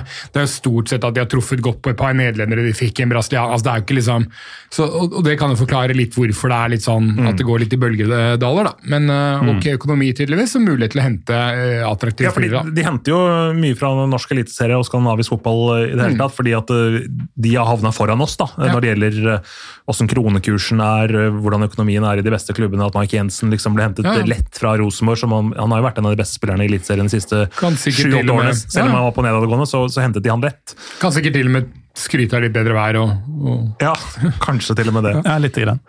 Men eh, altså, det der eksilet som disse er i, det er eh, ingen spøk. Altså, fordi de spiller jo på um, et eh, Jeg begynner å bli ganske sliten stadion, egentlig. eh, Antonis Papadopoulos, som eh, vel var eh, ferdigbygget i 1986. eh, Som da ligger i Larnaca, ikke i Famagusta. Den er altså bygget i 1986, eh, og det var da den var ferdig, som var jo da bygget noen år i forveien også. Eh, Den er da bygget for denne klubben. Det er ikke et stadion som lå i Larnaca. Så da hadde de allerede da hatt et tiår bak seg da, i eksil i denne byen, og tenkte at tyrkerne drar ingen steder, så vi må bare finne oss til rette her. Det hadde de helt rett i. Ja, de, de, er, de er der fortsatt. Um, dette er også en gruppe som Man tenker jo at Gent er best. Uh, jeg tenker det er ganske åpent mellom kypriotene og gutta dine, Trym, om uh, andreplassen. Eller uh, er dere sterkt uenige med min uh, tolkning her? Jeg, jeg utelukker ikke en overraskelse her. At Flora kan være med og spise litt kirsebær. Det jeg, gøy. jeg, jeg, jeg tror også at det kan være en gruppe der alle på en måte kan gjøre, mm. ødelegge, ødelegge litt for hverandre, men som en, nå skal jeg, skal jeg innrømme at jeg, jeg får ikke mulighet til å sitte og se så mye Partisan-matcher på TV og studere det veldig nøye, men med den troppen Partisan har nå, med den treneren de har i Stanojevic bak og sånne ting, så, er jeg, så mener jeg at her skal det være muligheter for Partisan å, å kjempe om, om førsteplassen. Da må de vinne i Tallinn med oss tre på tribunen. Um, I Det gruppe C kommer til å skje. Det kommer til å skje. Ja, det kommer til å skje, altså. Uh, jeg vet at Petter sitter og sjekker Skyscanner as we speak. Gjør det nå, vet du. Hvis den fortsatt finnes, da, etter uh, altså, Apropos det, jeg er litt sånn usikker på om jeg kommer til å huske åssen man reiser når den uh, dagen kommer igjen. Tenk om du setter deg ned i flyet og så sliter med å få det beltet sammen. Da. Det er tungt. Ja, men At jeg bare stapper alt jeg kan av sånne store flasker og sånn i håndbagasjen og skal kjøre gjennom sikkerhetskontrollen. og blir stor ståhei når jeg nekter å gi fra meg ting. og sånn. Nei, det blir fælt. Eh, apropos det, Trym. Eh, du har jo, eh, Jeg nevnte innledningsvis at du har fått deg en ny hjemby, Mm. men jeg sa ikke hvor du har flytta. Men du bor jo ikke lenger i en storby her i Norge. Du nevnte vel din nye hjemby i det du sa et eller annet om LSK, så da Ja. tror jeg kanskje Ja. Ja, så Jeg flytta hjem igjen til Romerike, ja. Det de, er, de skarpeste lytterne skjønte jo hvor du har flytta til. Ja. Men noe folk forventer når du er på besøk her, er jo at du skal eh, rase mot eh, busspassasjerer, trikkepassasjerer osv. midt i en episode om uh, konferanseligaen. Ja, for jeg burde jo nevnt dette mye tidligere. Men nå er vi halvveis i del én, så da tenkte jeg vi kan ta en liten sånn pause fra oppramsing av klubber og sånn, og høre hva syns du om elsparkesykler? Fordi i Lillestrøm som du bor i, så er det ikke så mye folk som Nei, skal nei. av på trikken og T-banen og sånn. Det er et problem der òg. Det er et problem der også, men Nei, jeg tenkte på det. Du, jeg skjønner jo hvorfor du nevner det, for jeg sa noe om det idet jeg kom gående og møtte deg nå i stad, rett før vi gikk på lufta her. Jeg syntes syns det var dritt at jeg ikke hadde en opptaker gående.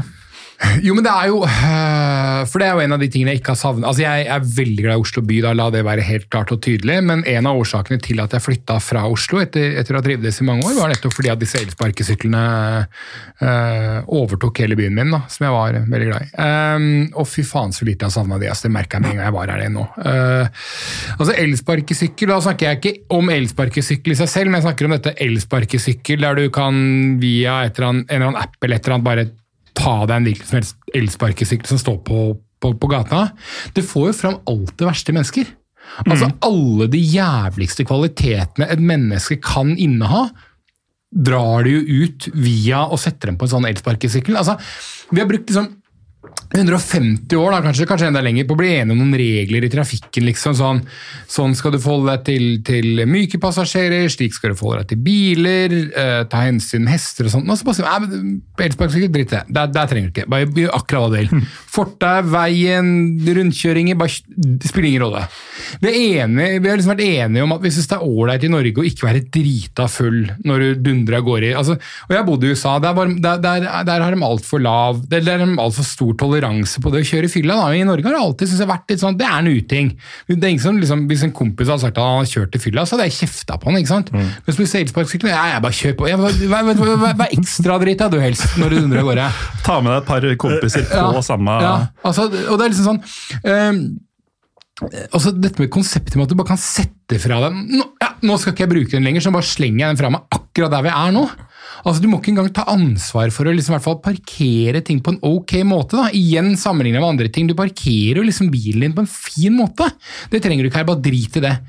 Uh, nei, jeg syns det, det, er en- er grusom greie som har gjort denne byen ehm, Ubeboelig. Ja, ubeboelig, ja, rett og slett. Uh, nei, ja. Så det er eksamen, da. Du har helt rett. Og um, hvis du hører på, kjære lytter, så slett uh, de appene du eventuelt har fra disse leverandørene, for de vil deg bare vondt. Ja, altså, vi er opptatt av folkehelsen, og vi, vil, altså, vi, er, vi er redde for at nordmenn øh, veier for mye, ikke sant? Ja, hva gjør du da? Skal du, eh, skal du gå? Skal du sykle? Uh, skal du jogge, eller skal du stå passivt på en sånn der jævla greie hvor du ikke trenger å bevege deg i det hele tatt? Vi har jo allerede et problem med at folk ikke beveger seg nok. Nei, dette her gjør folk feitere, mer egoistiske, eh, og Nei, alt er gærent med det. Ja. Du syns kanskje det var litt rar timing å ta det opp nå, men uh, når vi nå skal videre til gruppe C, så starter vi nemlig i Vespa-hovedstaden. Eh, der også folk liker å sitte stille og gå opp i vekt. Uh, Jo, men jeg lover deg, hvis du har en Vespa, så tar du ansvar for den, ikke sant? Den bryr du deg om. Mm. En Vespa eh, den ivaretar du. Og det er hele det som er, poenget med er- Du, du, trenger jo ikke å, ta ansvar for en dritt. Bare, bare gi faen. En Vespa tar man vare på. Det er et vakkert fremkastmiddel. Og da skjønner sikkert lytterne at et av lagene i denne gruppa er litt malplasserte klubben, kanskje, Roma. Eh, ikke malplassert i den grad at de ikke holder til i Roma, for det gjør de. Eh, en av få klubber i turneringa som eh, spiller hjemme, holdt jeg på å si. Eh, men hva faen gjør de i conference? Eh, og i den gruppa så får de da selskap med Soria fra Luhansk i uh, Ukraina, som ikke spiller i Luhansk i Ukraina. De får eh, eh, møte CSKA Sofia. Og de får møte Bodø-Glimt, eh, som vi vel kan spare til slutt, uh, tenker jeg. Og så kan vi scrolle veldig kjapt gjennom Roma, for maken til uinteressant eh, conference-lag, Petter. Ja, nå har ikke jeg kjørt uh, sparkesykkel i Roma, men jeg har sykla i Roma, hvis det er greit. uh, Det- er en sykkel, jeg har ikke noe motstander Jeg av. sykkel, Da Ja, ja. har dere vært på Stadio Olympico. ikke Akebrett, spark, alle mulige framkomstmiddel. Skateboard. Ja, ja, Alt er greit for meg. Jeg har Bare på- ikke så her vært, vært på Stadio Olympico, men det var ikke fotballkamp da jeg var der. Da var det italiensk veteranmesterskap i friidrett. Da har jeg stakk innom der, så da har jeg sett store idrettsprestasjoner på den uh, ja, falleferdige arenaen uh, der, får vi vel uh, si. Men uh, ja, det er spesielt at et så stort lag med så rik historie da, er å se på dette nivået. Det er liksom noe som skurrer litt, da. Uh, Det skulle ikke vært Roma, det skulle vært uh, Catania. Uh, Ja, så- så- eller Sassuolo. ja, så, så, som, som hadde hørt eh, til her, men det er Mourinho da, som selvfølgelig vil tiltrekke seg mye oppmerksomhet. Han har jo vunnet det som er da, av disse europacupene. Han vant jo Champions League både med Porto og Inter og Uefa-cupen slash Europaliga med Porto og Manchester United, og kan jo bli den første som vinner alle disse tre Uefa-klubbturneringene som mm. finnes. Og sammen med Udo Latek og Rafa Benitez så er han jo en eh, av tre da, som har vunnet um, Uefa-trofeer med tre forskjellige klubber også. Så um, han um, er nok uh, altså, Han er nok sugen på en tittel til. Altså, Godeste Mourinho. Vi har jo sett litt sånn kleine bilder av han tidligere. Da han vant vel Europaligaen med United og sto med disse fingrene sine uh, og viste hvor mange titler de hadde vunnet. Og tok jo med uh, om det var uh, den der Community Shield, om det var Norway Cup og Faaberg Cup og alt, liksom. Så han er jo en tittel, tittelgrossist. Og, og for Roma så føles det som det her Dette er jo en mulighet til altså Ikke bare for han personlig, men for Roma så, å vinne Serie A eller vinne en større europeisk turnering Jeg er enig i at de er litt malplasserte her, men jeg, jeg hadde ikke sett for meg dem som en vinner av Europa League eller Champions League heller. så her har de faktisk kanskje muligheten til å ta en tittel for første gang på ja, jeg vet ikke hvor lenge. Ja, og um, Du kan si mye om Mourinho, men han, han, hvis han blir bedt om av øh, sine sjefer da, om å nedprioritere denne fordi nå kommer Juventus til helga, så kommer jo ikke han til å gjøre det. Altså Han går inn for å vinne ting, uansett hva det er. Igjen da, Om det er så er Conference eller Fallback Cup. Um, og så er det jo mange som syns det er litt gøy at Mourinho skal til Aspmyra. Ja. Um, Jeg tror ikke han syns det er så gøy sjøl. det tror Det ikke er jeg. ingen syns det er gøy å komme til Aspmyra. Jo, jo, jo, jo. Aspmyra er hyggelig og, er hyggelig og fint, men, eh, men, men det, er ikke, det er ikke de uh, smørbrødene der han, han drømte om. da. Uh, fordi at det har gått nedover med Mourinho. Uh, det er det ingen som helst uh, tvil om. Ja, men- uh, Ja, det snakket faktum at han skal til Aspmyra, forteller jo det. ja, ja, ja, altså det, det, det er jo selve eksempelet på, Ja, på det. Han var jo liksom en av de store, men nå uff, dette, dette er litt eh, Dette er seigt for han å snakke om Conference League, og så sitter han eh, på, ja, i Bodø på hotellet dagen før og ser på Champions League på TV. da. Ja. Nei, men for det, Vi snakka litt om eh, det i fjor. Da var Roma i Europaligaen. Mm. Og man syntes det jo det var litt sprøtt å se den der, for det er jo et Champions League-lag. Og det er jo ikke så mange år siden de slakta Barcelona i nettopp Champions League. eh, Mm. Faktisk bare et par-tre år siden. Eh, Og nå er de her, da. Eh, og man kan jo tenke seg at han gleder seg ikke til Aspmyra. Han gleder seg nok ikke til Sofia eller Ukraina heller. Det er jo ikke dette Mourinho driver med. Eh, Men historien om Mourinhos fall er på en måte historien om Romas fall også. Eh, og da hører du med til historien at hvilken plass i Serie A tror du Roma fikk i fjor, Petter? Eh, Det er fort sjuendeplass, da. Det var sjuendeplass, vet du. Mm. sånn er det med den saken. Eh, det kuleste med dette Roma-laget, syns jeg, eh, er jo at de har en usbeker på laget. Eh, Eldar Sjomorodov, som de henta fra Husker ikke. En annen Serie A-klubb hvor han gjorde det ganske bra. Genoa, det ikke? Genoa kan det fort ha vært, ja. Eh, så han kommer nok antagelig til å spille litt også. Han er ikke bare Det føles som det er sjelden at usbekere spiller noe annet sted enn i russisk fotball. Ja, øh, eneste jeg veit om som ikke spilte russisk, var øh, en som spilte i Dynamo Kiev for en del år tilbake, Maksim Shatskij. Som vel var ment å overta etter Sjevtsjenko og Rebrov samtidig. Tøft å erstatte begge de to. Den er seig. Ja, Det er en fyr fra Usbekistan. Ta det med ro, folkens. Har en løsning. Uh, ja. han fyren vi solgte til Men Milan og var ok, altså. Det ja, var. da. Jeg lurer på om de kanskje hadde vært Pakovskis øh, fra Latvia samtidig. Så de hadde en, de hadde en kul duo, øh, men det var liksom ikke noe Ballon d'Or-aktig over noen av dem.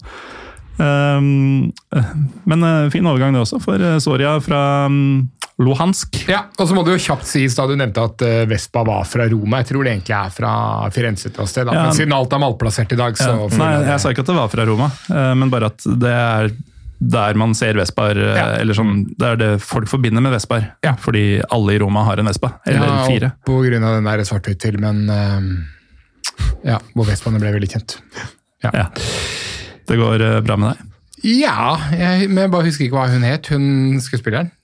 Da kan vi la det være en cliffhanger også, så kommer vi tilbake til det. Jeg husker ikke hvilken film du snakker om, men Nei, eh, det, er fra, det er fra før vår levetid, Ja, sånn. En skuespillerinne i en svart-hvitt-film fra før vår levetid, vet hvor det var masse Vespaer. Ja, lytterne vet det, så skal jeg jo fortelle det. Um, Men uh, Soria, fra Luhansk i uh, Ukraina Luhansk er en av disse byene som uh, stadig er i konflikt med russiske separatister. Audrey Hepburn var det jeg selvfølgelig Ja, ja, ja. skulle fram til. Selvfølgelig var det. Kjent gjennom Roma. Ja. Uh, Luhansk er jo da nesten like ubeboelig som Oslo har blitt, med alle disse elsparkesyklene. Mm. Riktignok pga. krig der. Spiller da i stedet kampene sine i Zaporizjzja. eh, som også ligger sørøst i landet, men ikke, det, det er et stykke fra, fra frontlinja. da. ja, det er en rolig sju timers kjøretur fra, fra, fra der det egentlig er fra. da. Ja. Men eh, det, dag, det er jo underkommunisert hvor svært Ukraina er. da. Ja da. Altså, det er veldig få store land i Europa når du ser på, ser på et verdenskart. Mm. Eh, men eh, Ukraina er vel nest størst. Eh, altså det største landet i Europa etter Russland. Mm. Ja. Eh, og det tenker man ikke alltid over. Men eh, Nei, men det, det er faktisk et poeng. Altså. når du da har en sju timers kjøre- kjøretur, så er du i noenlunde samme del av landet. Altså Du er fortsatt langt øst i landet. da. Men jeg bare, ja, jeg bare syns poenget ditt var godt. Altså, jeg, jeg, liker sånn 'jeg tror ikke nordmenn veit' type. Jeg tror ikke nordmenn veit hvor svært Ukraina er, da. Nei, For det bor fem- vet. Ja, men det bor 45 millioner mennesker der, og da tror jeg du kan ta liksom Nederland, Belgia og omtrent hele Skandinavia, og så har du færre folk, liksom. Serbia bor kanskje 7-8. 45 millioner, altså! Det er mye folk! Og ingen av dem har lyst til å være der heller. Um, Ja, det er som å slå inn åpne dører og si at selvfølgelig det er fryktelig trist da, at, Ja. det, at det er blitt sånn som det har blitt uh, der. Jeg har jo vært i Donetsk, eh, selv på Donbass Arena, og sett kamp der. og Man har jo sett bildene av den stadionen, hvordan den ser ut eh, nå, ja. nå. Og dette styret med at eh, Russland og Ukraina ikke kan møtes i gruppespill som det har vært i så mange år i Europacupen og alt sånt. Det er jo bare Det er en sånn fryktelig påminnelse du får eh, hver eneste gang det er ukrainske lag som er involvert i Europacupen, fordi at vi glemmer det litt. Ja, vi fordi, det. fordi det er, det, det er, Det er en pågående konflikt ja, er som vi ikke får så mye oppmerksomhet, ja. Det er Konflikt som, som vi ikke vier eh, så mye oppmerksomhet. Og så er det ikke så mye vi får gjort herfra heller, da, for Nei det da. er det har sagt. Nei, det er ikke alt, det er ikke alt vi tre kan rette opp, dessverre, gutta. Og det er, men, men, ikke? Og det er, og, altså, det er, altså, Avanard stadion da, i Luhansk, som de nå har kalt det flytta fra, det, det, er, helt tilbake i 2014. Altså. Det er ganske lenge siden. Og den er også sånn, akkurat som andre stadioner i Donbass, blitt ganske ødelagt da, av øh, holdt på å si, splinter og kuler og alt mulig, som, som da øh, har gjort den øh, Eh, ja. Gjort det umulig å være der. Dette er et lag som kom på tredjeplass i ukrainsk eh, liga i fjor, eh, og som det føles som at egentlig alltid er med i et eller annet europaspill. eller Alltid i. Europaligaen, Ja. da Europaligaen var den dårligste. Ja. Nå er de da i conference og kommer til å være her hvert år. Men de, skulle jo, de prøvde jo å komme seg til Europaligaen i år også, men, men slapp inn seks mål på to matcher mot Rapid Wien, og, og det er på en måte grunnen til at de er her. da. Eh, all respekt til Rapid Wien, føles ikke kjempeimponerende for et lag som har deltatt såpass mye eh, i Europa som Soria Luhansk har, og slippe inn seks mål mot, eh, nei, mot, mot, mot uh, Rapid over to kamper. Eh, så jeg er litt usikker på hvor de ja, hvor Ja, hvor de står, ja. Ja, nei, altså det, er- jo alltid litt sånn vanskelig. um, Russisk og ukrainsk liga er Det, er jo, det finnes jo ikke noe jernteppe lenger, men det føles litt sånn med de ligaene der. Fordi du, du ser et par sånn showcase-klubber i Europa hvert år som alltid er de samme.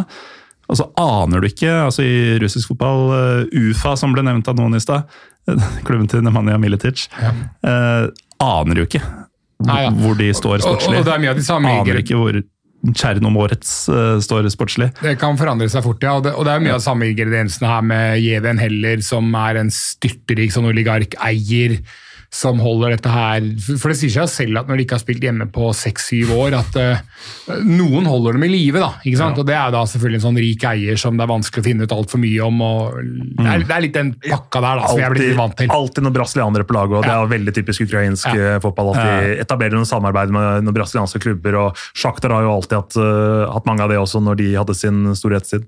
Ja, og har det fortsatt, selv om de er ferdig med sin storhetstid. Ja, Men eh, Ukraina 2014, eh, Trym, altså laget, nei, eller året da Soria måtte flytte hjemmefra. Skjellsettende år selvfølgelig for, eh, for ukrainsk historie, men også for vår historikk med Ukraina. Ja, vi har jo prøvd å se match der uten å, uten å lykkes. Ja, vi, vi prøvde oss, vi. Tok en tur til Kiev eh, i dagene mellom at Janukovitsj hadde blitt eh, jagd ut av eh, den rasende befolkninga, rett før eh, russerne tok Krim. Ja. Da tok vi turen. I det som bokstavelig talt var et sånn firedagers vindu. men, men oppleves ikke Nå har ikke jeg vært i Kiev, men Kiev er ikke det ganske mye mer sånn vestlig? eh, Hvordan eh, byen er. Sånn som i Donetsk var det jo Lenin-statuer uansett hvor jeg snudde meg.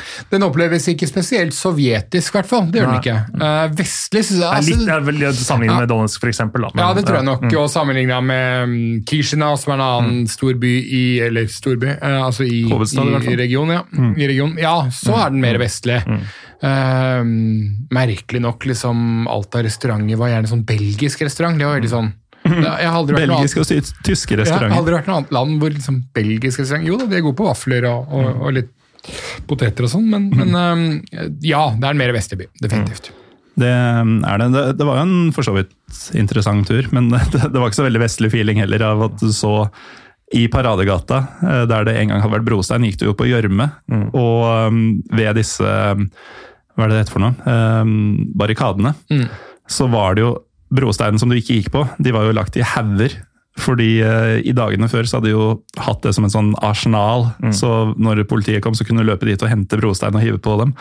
Eh, og det var jo brente bygninger, og det var eh, masse kranser rundt omkring, fordi det hadde jo vært en massakre bare noen dager i forveien hvor myndighetene hadde myrda over 100 av demonstrantene, eller noe sånt. Eh, så det var jo Det var jo en spesiell stemning, det må det være lov å si, Trym. Ja. Um, nesten sånn at man skulle gitt Ukraina en ny sjanse nå i litt fredeligere tider. Ja, Jeg fikk et litt sånn spesielt førsteinntrykk av eh, landet selv uh, da jeg var der og skulle vel til fanzone uh, Det var vel EM, var det ikke det det var? I, ja, i 2012. Og hadde vært der i en time. Uh, og så skulle gå fra hotellet til den fanzonen i litt sånn mørke gater, og så kommer plutselig en en bil kjørende full fart med, mot meg og to, to norske andre kompiser, og vi blir stoppa, og det kommer ut uh, folk med maskingevær uh, og skal stoppe oss uh, og sjekke hvem vi er og sånne ting. Og man blir litt sånn småskremt når det kommer liksom Altså, de hadde maskingevær i henda!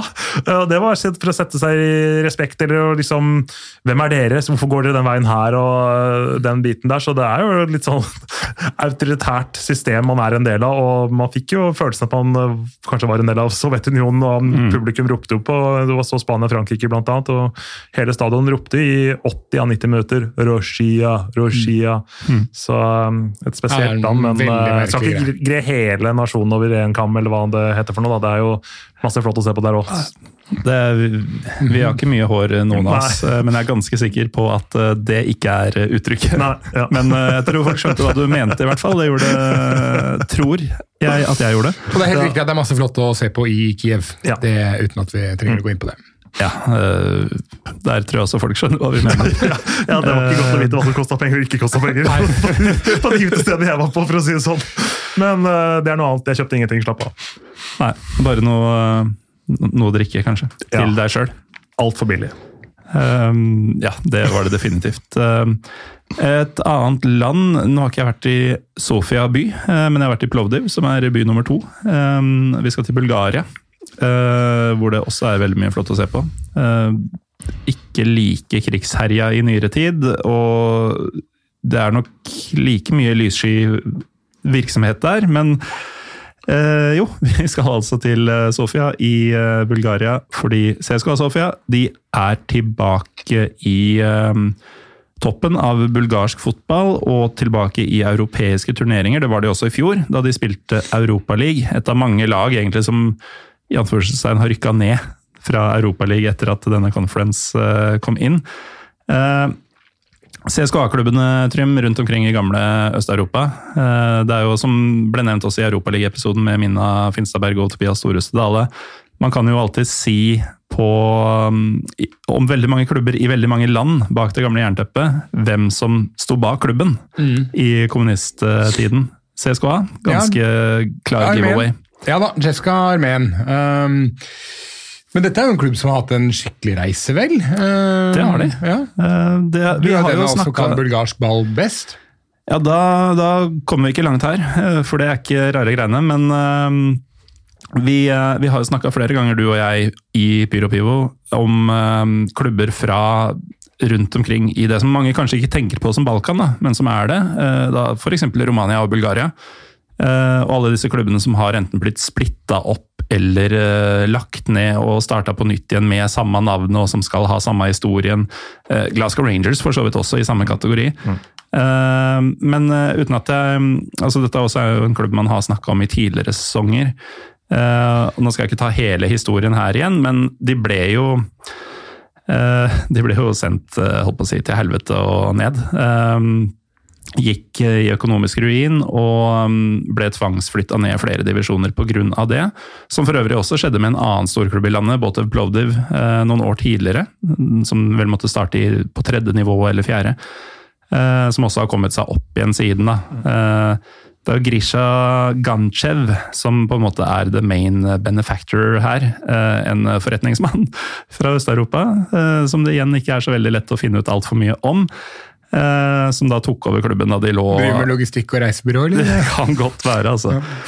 Ehm, som da eh, tok over klubben, altså han ble den nye eieren eh, i 2015, da alt var eh, dritt. Eh, og så har jo har det jo vært en solskinnshistorie siden. De har um, rykka opp og rykka opp, og rykka opp, og nå har de vel tatt en tre tredjeplasser på rad i bulgarsk liga og er jo tilbake som et av de store topplagene og har jo alltid vært en av de store klubbene i, i landet. Um, byderby mot Levski er jo kanskje det heiteste oppgjøret i Bulgaria. Jeg har vært på derby i Plovdiv mellom Lokomotiv og Botev. Mm. Det var ganske heavy greier. Uh, så jeg har egentlig ganske lyst til å sjekke ut Sofia en gang, bare så vet Trym. Ja. Um, ja, drar vi aldri. Men de er ikke kjent for å være så veldig lokale, da. Hvis du ser på spillertroppen der, så er det jo knapt en spiller som kan snakke bulgarsk. Ja, for, eh, ja. og, og, og, bulgarsk eh, fotball, hvis man ja. ser på, på et landslagsnivå og hva de utvikler, det blir jo bare tristere og tristere år for år. For, for, Hvis du ser på nasjonene som er i troppen, det er Brasil, Nederland, Argentina, Frankrike, Irland, Ecuador, Bosnia, Ghana, Den sentralafrikanske republikk, det er Kongo, eh, Finland altså Litt av en eh, ja, herlig miks, får vi vel si. Ja, det kan du trygt si. Og så er det jo også sånn at um, av de um, bulgarske spillerne, de få bulgarske spillerne mm. som er i troppen, da, så har du en som heter Ahmed Ahmedov. Mm. Og du hører jo at uh, han er jo en uh, salig blanding. Uh, Bulgaria var jo også underlagt det osmanske riket i mange år. og bulgarerne er jo, som veldig mange av sine venner i den delen av verden, ganske glad i sin egen nasjon. Eh, så det at eh, Ahmed Ahmedov er fullblods bulgarer ifølge myndighetene, det er eh, sikkert et lite stridstema blant flere av klubbens og ikke minst andre klubbers tilhengere, uten at vi skal dvele for mye med det.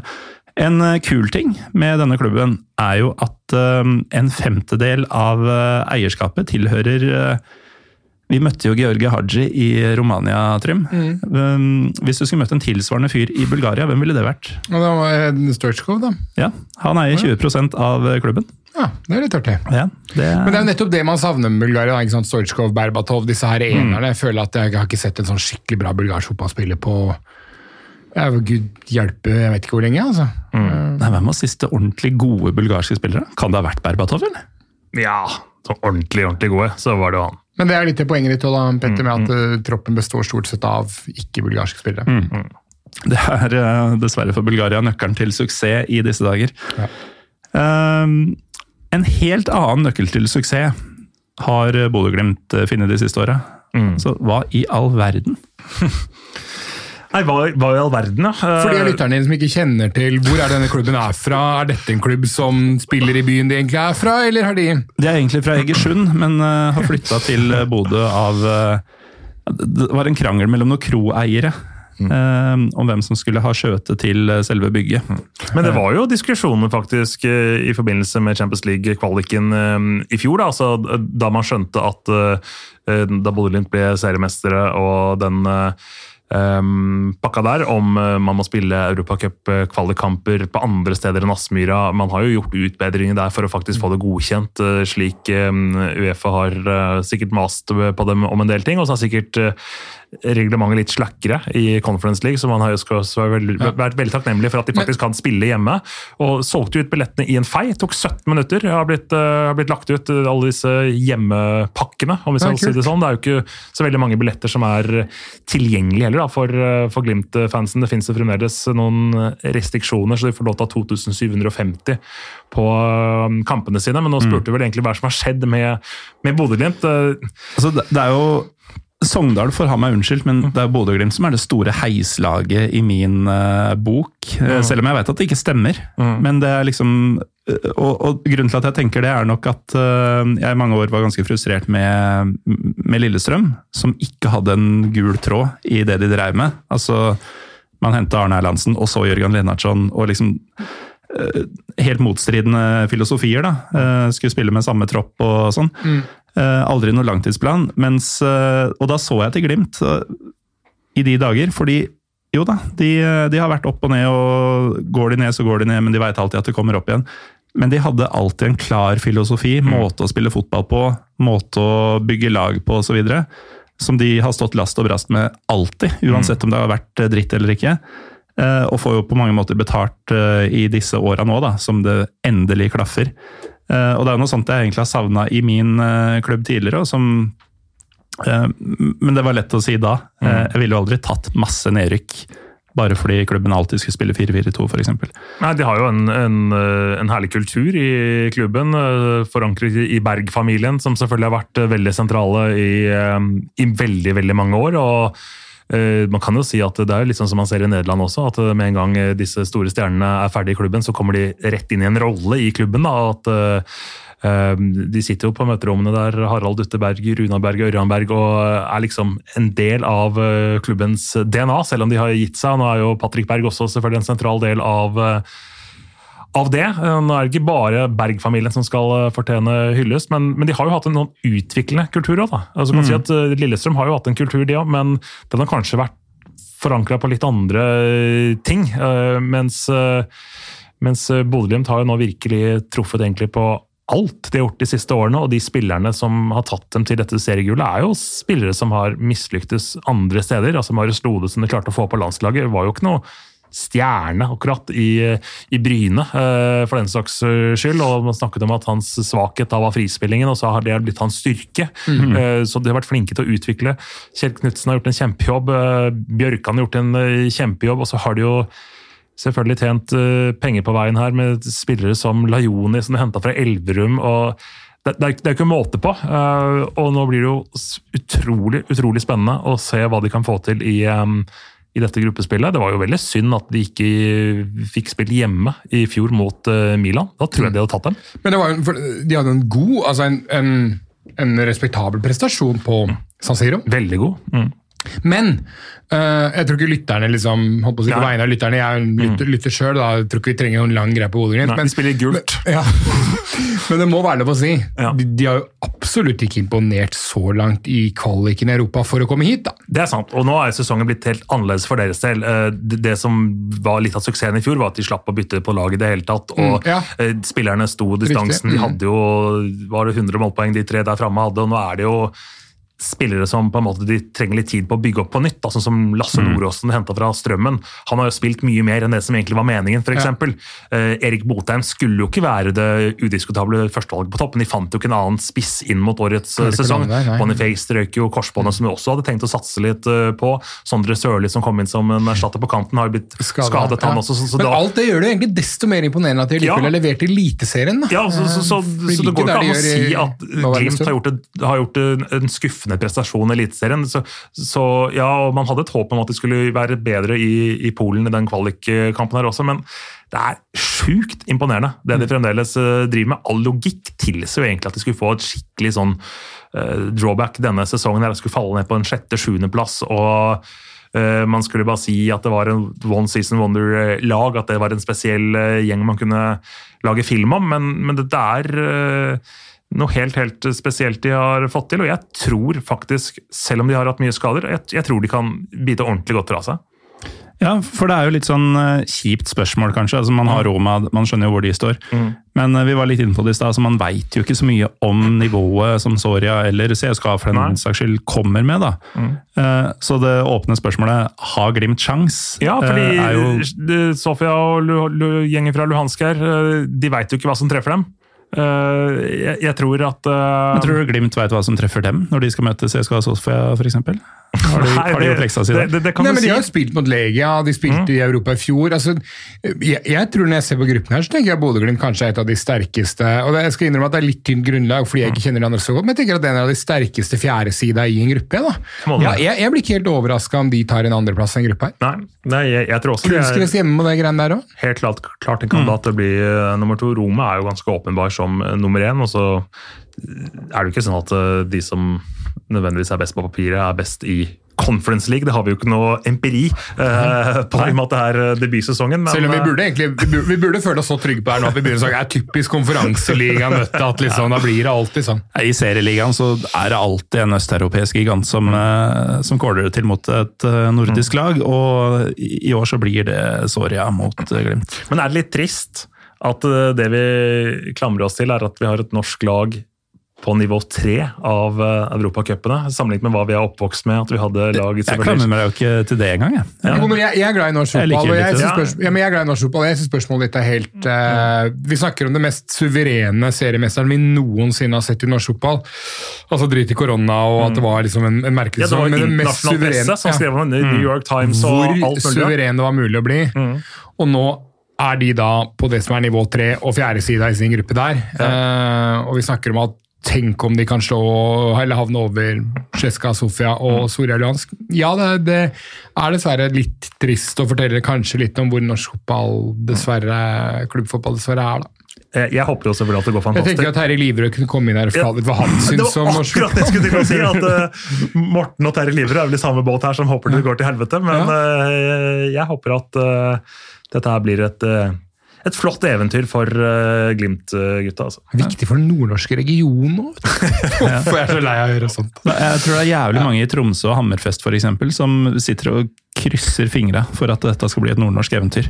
Men, men Glimt er jo ikke et lag som uh, supportere av i andre norske klubber nødvendigvis misliker, er det da? De var ikke det, helt til de dro til Spania i vinter. vinter. Det var litt sånn Spania. Men henger det igjen til deres? Nei, jeg tror jeg folk driter i nå. Ja, de som husker Nå vil folk til Spania det. Ja. Ja, nå vil folk til Spania sjøl. Liksom. Ehm, men nei, eh, Tromsø og Glimt har jo dette litt sånn Går det an å si påtatt uh, hatet? Um, men det er jo ingen andre som har noe neg... Altså, jeg tror hele Norge håpa at Glimt skulle ta det i fjor. Da, det, da sesongen Jeg gjetter at hvis, hvis, hvis, hvis lytterne kunne svart her og nå, håper du at Molde vinner serien i år, eller Bodø-Glimt, så tror jeg ganske mange av lytterne har sagt at da tar vi Bodø-Glimt. Du kan jo ha en eh, sånn undersøkelse på Twitter, eh, Morten. Ja. Håper du Glimt går videre, ja eller nei? Så får du se hva, hva lytterne dine, dine mener om akkurat det. Ja. Uh, det kan jeg, Mm. så får vi se om det skjer. Ikke så interessert i det. ok. Ja, nei, men det, vi, vi får se. Minn meg på det Ja, når, når episoden har ligget ute litt. Um, som da blir Ja, for deg som hører på, så er ikke det så nøye. Men vi spiller jo inn noen dager i forkant her, da. Eh, vi tar gruppe D. eh, som da blir den siste i denne delen av episode 198, eller hva vi er i. Um, der finner vi Alkmaar Zansterek, vi finner eh, Cluj, eh, vi finner tidligere nevnte Jablonets, og vi finner Randers, um, som da er en av disse åtte debutantene i europeisk gruppespill. Um, vi har jo latt denne flaska fra Transylvania stå inntil nå, Trym, men nå som vi snart skal snakke om Cluj, er du, er du hypp på en liten tår? Da er jeg villig. Dere kan, jo ta, dere kan jo ta litt om Aset først, for det er et lag jeg ikke kan noe som helst om. Eh, så begynn gjerne der, og så kan jeg helle opp litt uh, pærebrus til de som måtte ønske det. Ja, eh, jeg ønsker i hvert fall. Um, Bitte liten smak, kan bare smake på det, i hvert fall. Siden vi hypa den litt i stad, Ja, og sa at ja. den smaker ikke bensin. Ja. Uh, ja, men uh, Aset, uh, Petter. Vi kan jo kanskje starte med en ting du har Altså, vi har empiri på at du er glad i å snakke om eh, norske linker. Ja. Og Aset, de liker Norge. Det gjør de. De liker spesielt uh, Aslak von Wittry og uh, Fredrik Midtsjø. De liker nok Håkon Even bitte litt også, selv om ikke han har spilt eh, like mye der. Men eh, det er jo også Jonas Svensson har jo vært der også, så det er jo et lag Fred- som Fred Friday? Ja, han er jo ikke helt norsk, men han eh, har vært i Norge lenge, da, så han har den eh, linken, han også. Men det er jo spillere som har fungert da, i, i laget deres. Og det er jo et lag som uh, har også vært en gjenganger i Europa gjennom uh, flere sesonger og gjort det, gjort det ganske bra. Så det er også et lag som jeg egentlig tenker at oi, hvorfor er ikke de i Europaligaen? Ja. Ja, for de var jo der i fjor. eh, som igjen da er en eh, gjenganger i, uh, i årets sesong.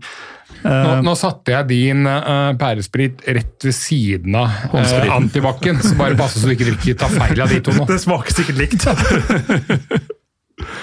Ja, nei, men De har, de har opptil flere nordmenn, og de har hatt flere nordmenn opp igjennom, og har tydeligvis funnet en slags nisje der. og De har jo treffet ganske bra på de norske som har blitt henta, og det er ikke alltid man kan si om altså, Jeg tror mange har undervurdert nivåforskjellen som i hvert fall har vært på norsk fotball og de ligaene som vi en gang eh, altså Hvis Rosenborg da, i glansdagene trakk et lag fra Belgia, så tenkte man det var i hvert fall 60% sjanse for at Rosenborg skulle ta det, mm. hvis de skulle møte Brugge eller noe sånt. Eh, ikke nødvendigvis så stor sjanse mot nederlandske lag, men da de hadde Feyenoord i gruppespillet sitt, så var det litt sånn herre Dette er et lag Rosenborg kan både slå og havne foran. Um, men sånn som det har vært de siste årene, så har det jo vært spillere som har gått til ja, nederlandsk og belgisk liga f.eks., uh, og ikke fått det til. Uh, men AZ-gutta, der er det stort sett suksess. Ja, helt klart. Og det har jo vært godt også at de fikk på plass uh, stadiontaket sitt også, etter at det kollapsa for noen år siden. Husker, Sant litt, husker litt dramatiske eh, bildene der. var vel en voldsom vind eller en liten orkan eller hva det var for noe, men blåste gjorde det i hvert fall. Men uh, bortsett fra det så syns jeg ikke det er så veldig mye sånn spesielt å si om uh, laget. Vet du hva du tenker selv, Morten? Det er jo et lag igjen da, som er en gjenganger som har vært innom mange ganger. og det er jo, Man, man tråkker jo mye det samme vannet noen ganger. Uh, så igjen så er det jo deilig å bare kunne henvise til tidligere årganger Ja. av disse episodene, riktignok om uh, Europaligaen. Um, Ja, så nevnte vel dere Ja, nei, se bort fra det. Jeg skulle på en av spillerne, men jeg, ja. Ja. Um, viktig del av uh, dette er jo selvfølgelig at de i likhet med Lask ikke heter uh, bynavnet. Uh, De heter ikke AZ Alkmaar, de heter bare AZ. Um, kalles for øvrig Ostehuene, eller Kaskoppen. Um, kan også kalles for uh, oste, ostebøndene, uh, som da blir Kasboren. Så jeg tror at hvis man drar til Alkmaar for å se fotball, så gjør man lurt i å spise lokal ost. Det er det jeg henter ut av uh, dette her. Uh, lokale varer, Trym. Du har uh, skjenka oss noe transilvansk uh, pærebrennevin. Og Ja. vi, vi skal jo nå en tur til eh, Transilvania. Ja, men det skal vi vel, for neste lag i gruppa er jo da, er jo da uh, rumensk mester eh, Cluj. Ja. FC Cluj. Um, Og det er riktig uttale, for dette kan du. Den J-en på slutten har jeg alltid lurt litt på. Jeg tror, jeg, tror det, jeg tror det er sånn litt riktig. jeg tror det. Eh, her, her er det jo faktisk en del å si i år. da. Dette er også en klubb som uh, mange av lytterne har fått med seg i Europa mye de siste årene. men Uh, for dem så er det det er, kanskje, det er kanskje ikke ett eneste lag, inklusiv Tottenham og, og Roma, som er mer skuffa over å være her enn det Cluj Mm. For det, dette, er en, dette er en megatabbe for rumensk fotball. Ikke bare for Cluj som klubb, men for rumensk fotball. At det er her de havna.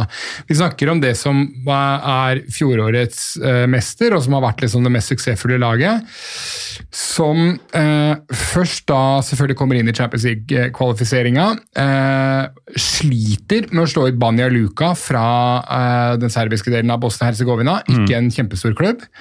Eh, slår ut Lincoln FC så vidt deretter, uh, før man ryker mot uh, Young Boys fra Sveits. Og vi veit alle hvor dårlig sveitsisk fotball er, Morten. Ja, Det har du gjort ettertrykkelig klart flere ganger. Havner da i Europaliga-kvalik mot Røde Stjerne. Og da tenker altså rumensk stolthet da er at det beste laget i Romania skal være like bra som det beste laget i Serbia.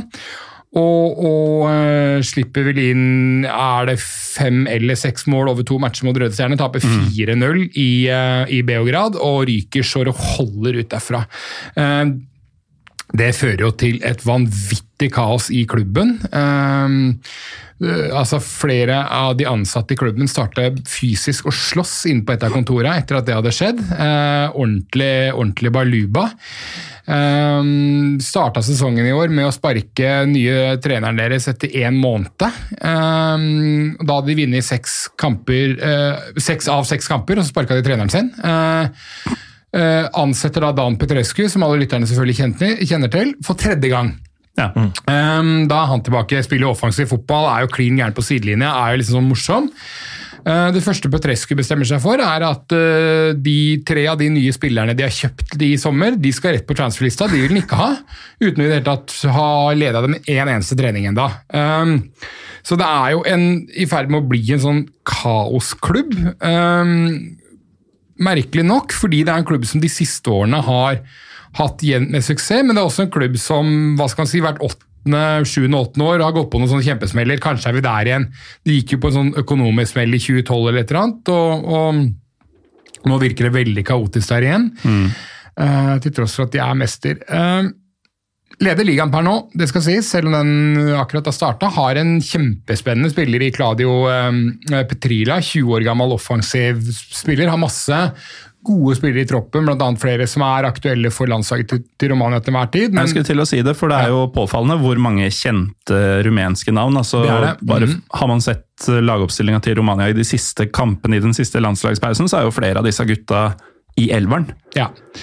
Men uh, en klubb som virker som den er i litt sånn ka kaostilstand, og det de har gjort så langt i Europa, har, eh, har ført til svært sur stemning hjemme. Og da passer det vel godt å smake litt på denne her eh, håndspriten som eh, Morten har Litt grann håndsprit. Ja. Ja, da. den var god varm òg, den. Ja, ja. ja, den var kald eh, da vi kom, Ja. eh, faktisk. Og mild. ja, den er fin, den. Ja, den var, den var, Ja, men, den var, den var fin, syns jeg faktisk. Fløyelsmyk, Ja. ville du kalt den. Mm. Samtidig som du får den der lille sprengninga i brystet etterpå. Litt som å drikke litt varm fløte. Varm fløte som ofte drikker. Det hender jo det. Eh, Hvor mange podkaster tror dere slipper unna med at man bare slutter å prate, og så bruker man fire sekunder på å svelge ting? Jeg tenker at mange av lytterne bare slutter å lytte òg, så det ja. Ja, Nei, men Dette er sånn vi driver med, da. Nana Boateng spiller for klubben. Eller han har ikke begynt å spille for klubben, han har i hvert fall signert for klubben. Jeg Ja. vet ikke helt hva som er årsaken til at han ikke har spilt, men eh, han har fått påmeldt i troppen til eh, laget i Conference League. Kan være han er en av disse på lista til Petrescu over spillere som Petrescu har bestemt seg for at han ikke vil ha likevel. Ja, det kan jeg, ja, jeg vet ikke. Det er altså gamle godsespilleren. Ja. Som også har trent med LSK og vært i MLS en periode. Ja. Vet ikke om han har vært, ja. Vi var vel i Colorado Rapids.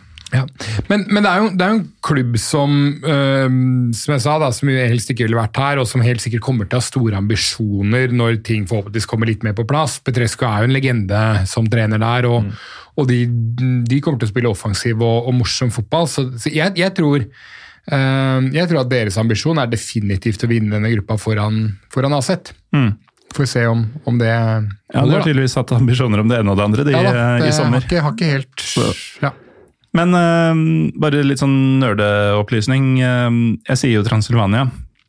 Det er svær region, altså. Det er en stor region, ja. Fordi uh, Kloers ligger jo ikke i nærheten av de uh, stedene vi besøkte da vi var på denne breddefotball-groundhopping-turen. Dette er jo nesten Ungarn. Ja da, det Ja, eh, nå er du fin. Eh, ja da, det, og det er jo derfor dette er en klubb som ofte er litt sånn kontroversiell i rumensk fotball, fordi at det har vært en del ungarske penger inn. Du har en ungarsk minoritet både i Cluj og for så vidt mange andre steder i Romania. Og så har det vært sånn de siste det er snart ti år nå at, at um, ungarske myndigheter, uh, og særlig med holdt på å si Orban-ledede initiativ, syns det er spennende og spenstig og gøy at uh, ulike ungarske um, institusjoner og pengemenn spytter penger inn i fotball i andre land, der hvor det er ungarsk diaspora, da, eller mm, kultur, på en måte sånn historisk sett. Og Transylvania er jo en sånn smeltedigel av ulike kulturer, med sakser og rumenere og ungarere på alt mulig. Dette er sikkert ting vi har snakket om tidligere i,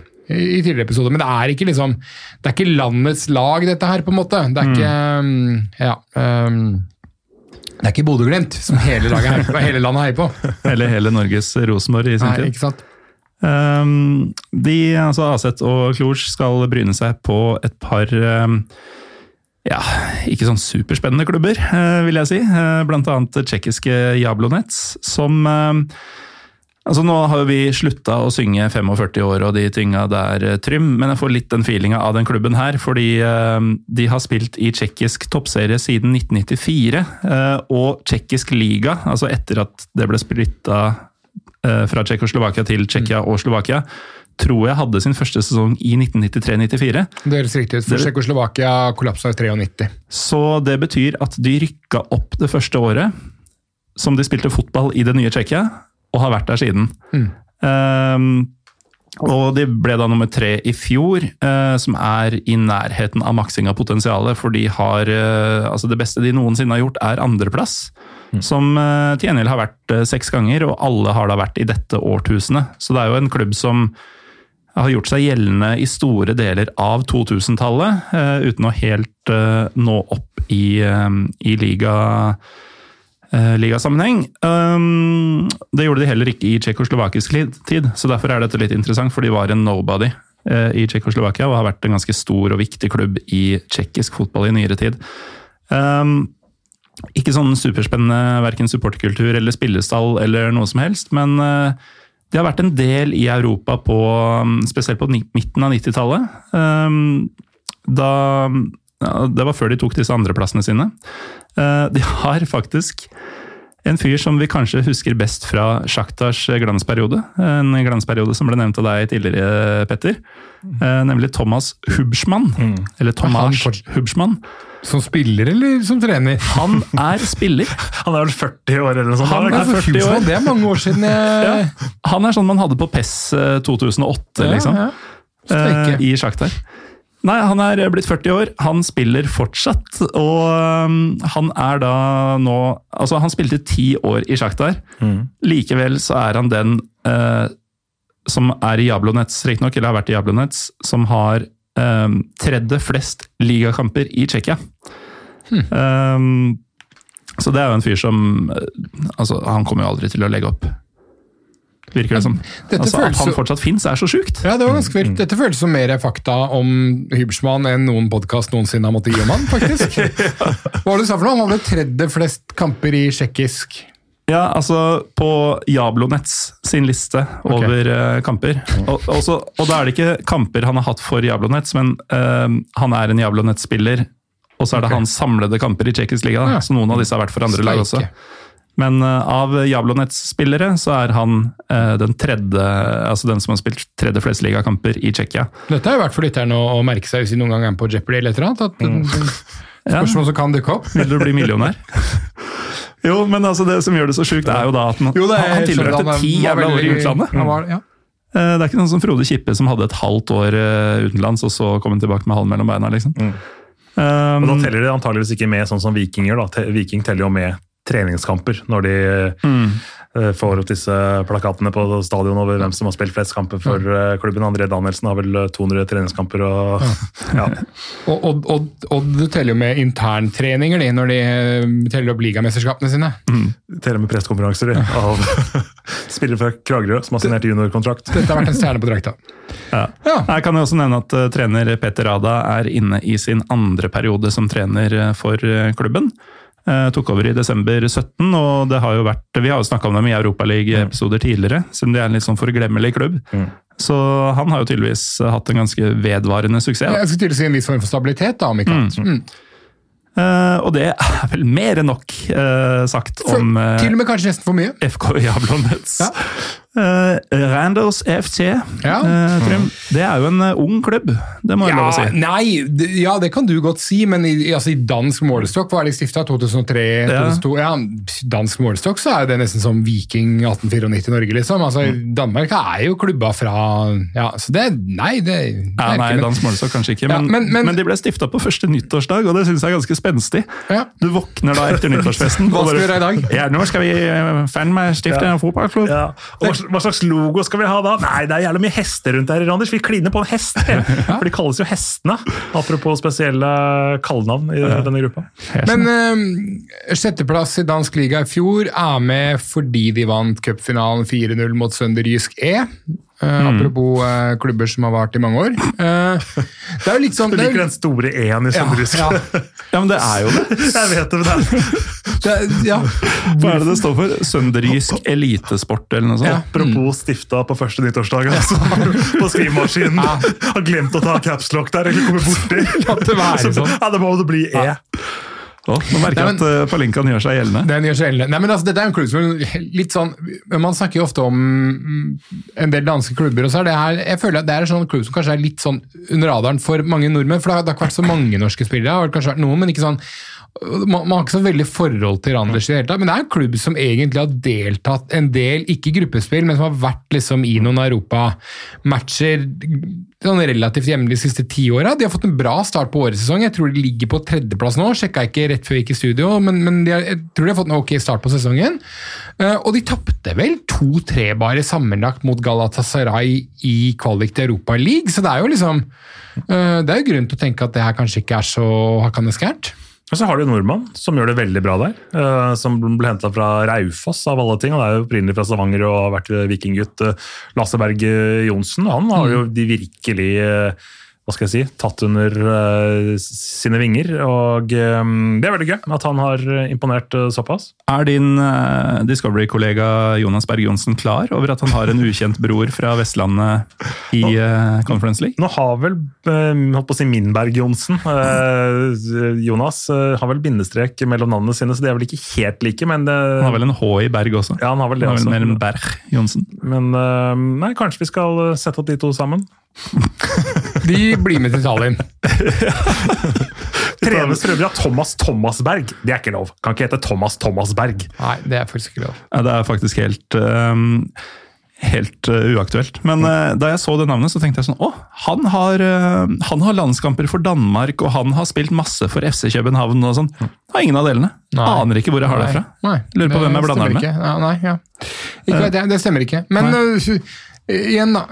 Det kan godt være at Altså, Vi snakka om åpne grupper. Jeg tror liksom du har to favoritter her, da, men, men, men, men jeg tror det kanskje het Jablonec, men det er Jablonec, er det sånn man sier i Tsjekkia? Ja, Seer og er, setter forvirrer meg i Tsjekkia. er du er jo veldig glad i tjekkisk, Nei, serbisk språk. eh, Og mange av disse Ja, er lydene er eh, like. Så når det er en C uten å greie over, så er det en C. Ja. Men er dette en gruppe som på en måte er litt mer åpen enn Litt mindre åpen? Eller? ja, nei, ja, ja, unnskyld, altså litt mindre åpen enn de andre? Altså, du har to lag som Ja, så Alkmaar Sandstrek vinner jo denne gruppa. Ja, det er vi enige om, Og du kanskje. tenker at Dan Petrescu kan, eh, Petrescu, eh, kan eh, kjøre Jeg Cluj tenker at de har et mannskap i Klor som er såpass bra at det vil være ganske krise hvis ikke de kjemper om første og andre der. Men vi, vet jo ikke igjen da, hvor mye disse lagene, Klurs og Aset, hvor mye kommer de til å legge i dette? Nei, jeg er ikke peil. Eh, altså, Kommer de til å stille toppa lag Er fra, de, da, fra er, de dag like, er de like engasjert i konferanseligaen som det vi tre er? Det er Ja, det ja, ja, for kommer de heller til å, å, å la de nest beste spille i et par av disse kampene mot uh, Jablonets og, og, og Randers, og eventuelt miste noen poeng på det, fordi at de prioriterer hjemlig liga og prioriterer muligheten til å komme til Europaligaen, potensielt uh, Champions League. Det er jo det som på en måte ligger i hodet til de litt større klubbene som mener selv at det ikke burde vært her. Ja, det er nok det. Og vi husker jo da Europaligaen var relativt nytt, så var det jo de store klubba de nedprioriterte det. Det var jo som ligacupen for de engelske klubba, f.eks. Helt til man fant denne gulroten, at vinneren får en plass i neste års eh, Champions League. Da har du jo sett at uh, i stedet for at uh, Verde Bremen og Sjaktar Donetsk og CSKA Moskva vinner, så vinner heller United og eh, ja. Men her er gulroten Europaliga. Og Ja. er det så gjevt for disse? Altså sånn, Ja, hvis vi vinner 45 kamper, så kan vi komme til Europaliga. Det, det, det er jo nesten sånn. Som er eh, altså til forveksling likt der vi er nå. Så det, det er faktisk et veldig godt spørsmål. Hva, hva kommer de større klubbene til å gjøre med dette her? Altså, derfor kan vi potensielt få altså, Flere flere enn vi har vært grupper eh, som nødvendigvis ikke ender så likt med åssen det ser ut på papiret. Så det vi sier nå er at vi tror at eh, finalen i eh, Tirana blir mellom Flora og Bodø-Glimt? Nei, det blir Randers mot uh, mot uh, Alaskert. Ja. Um, vi er eh, halvveis, dvs. Si at eh, denne delen av episoden er eh, ferdig. Um, vi skal snakke om noen ordentlige sluggere på godt og vondt i del to, som kommer om ja, en dag, sånn cirka. Takk til Trym og Petter for at dere endelig har kommet tilbake til min lune favn. Takk til Theo fra Sigurd Svara for utmerket palinka. Takk til deg som hører på. Vi er Pyro Pivopod på Twitter og Instagram. Hør oss gjerne allerede i morgen igjen, da del to kommer.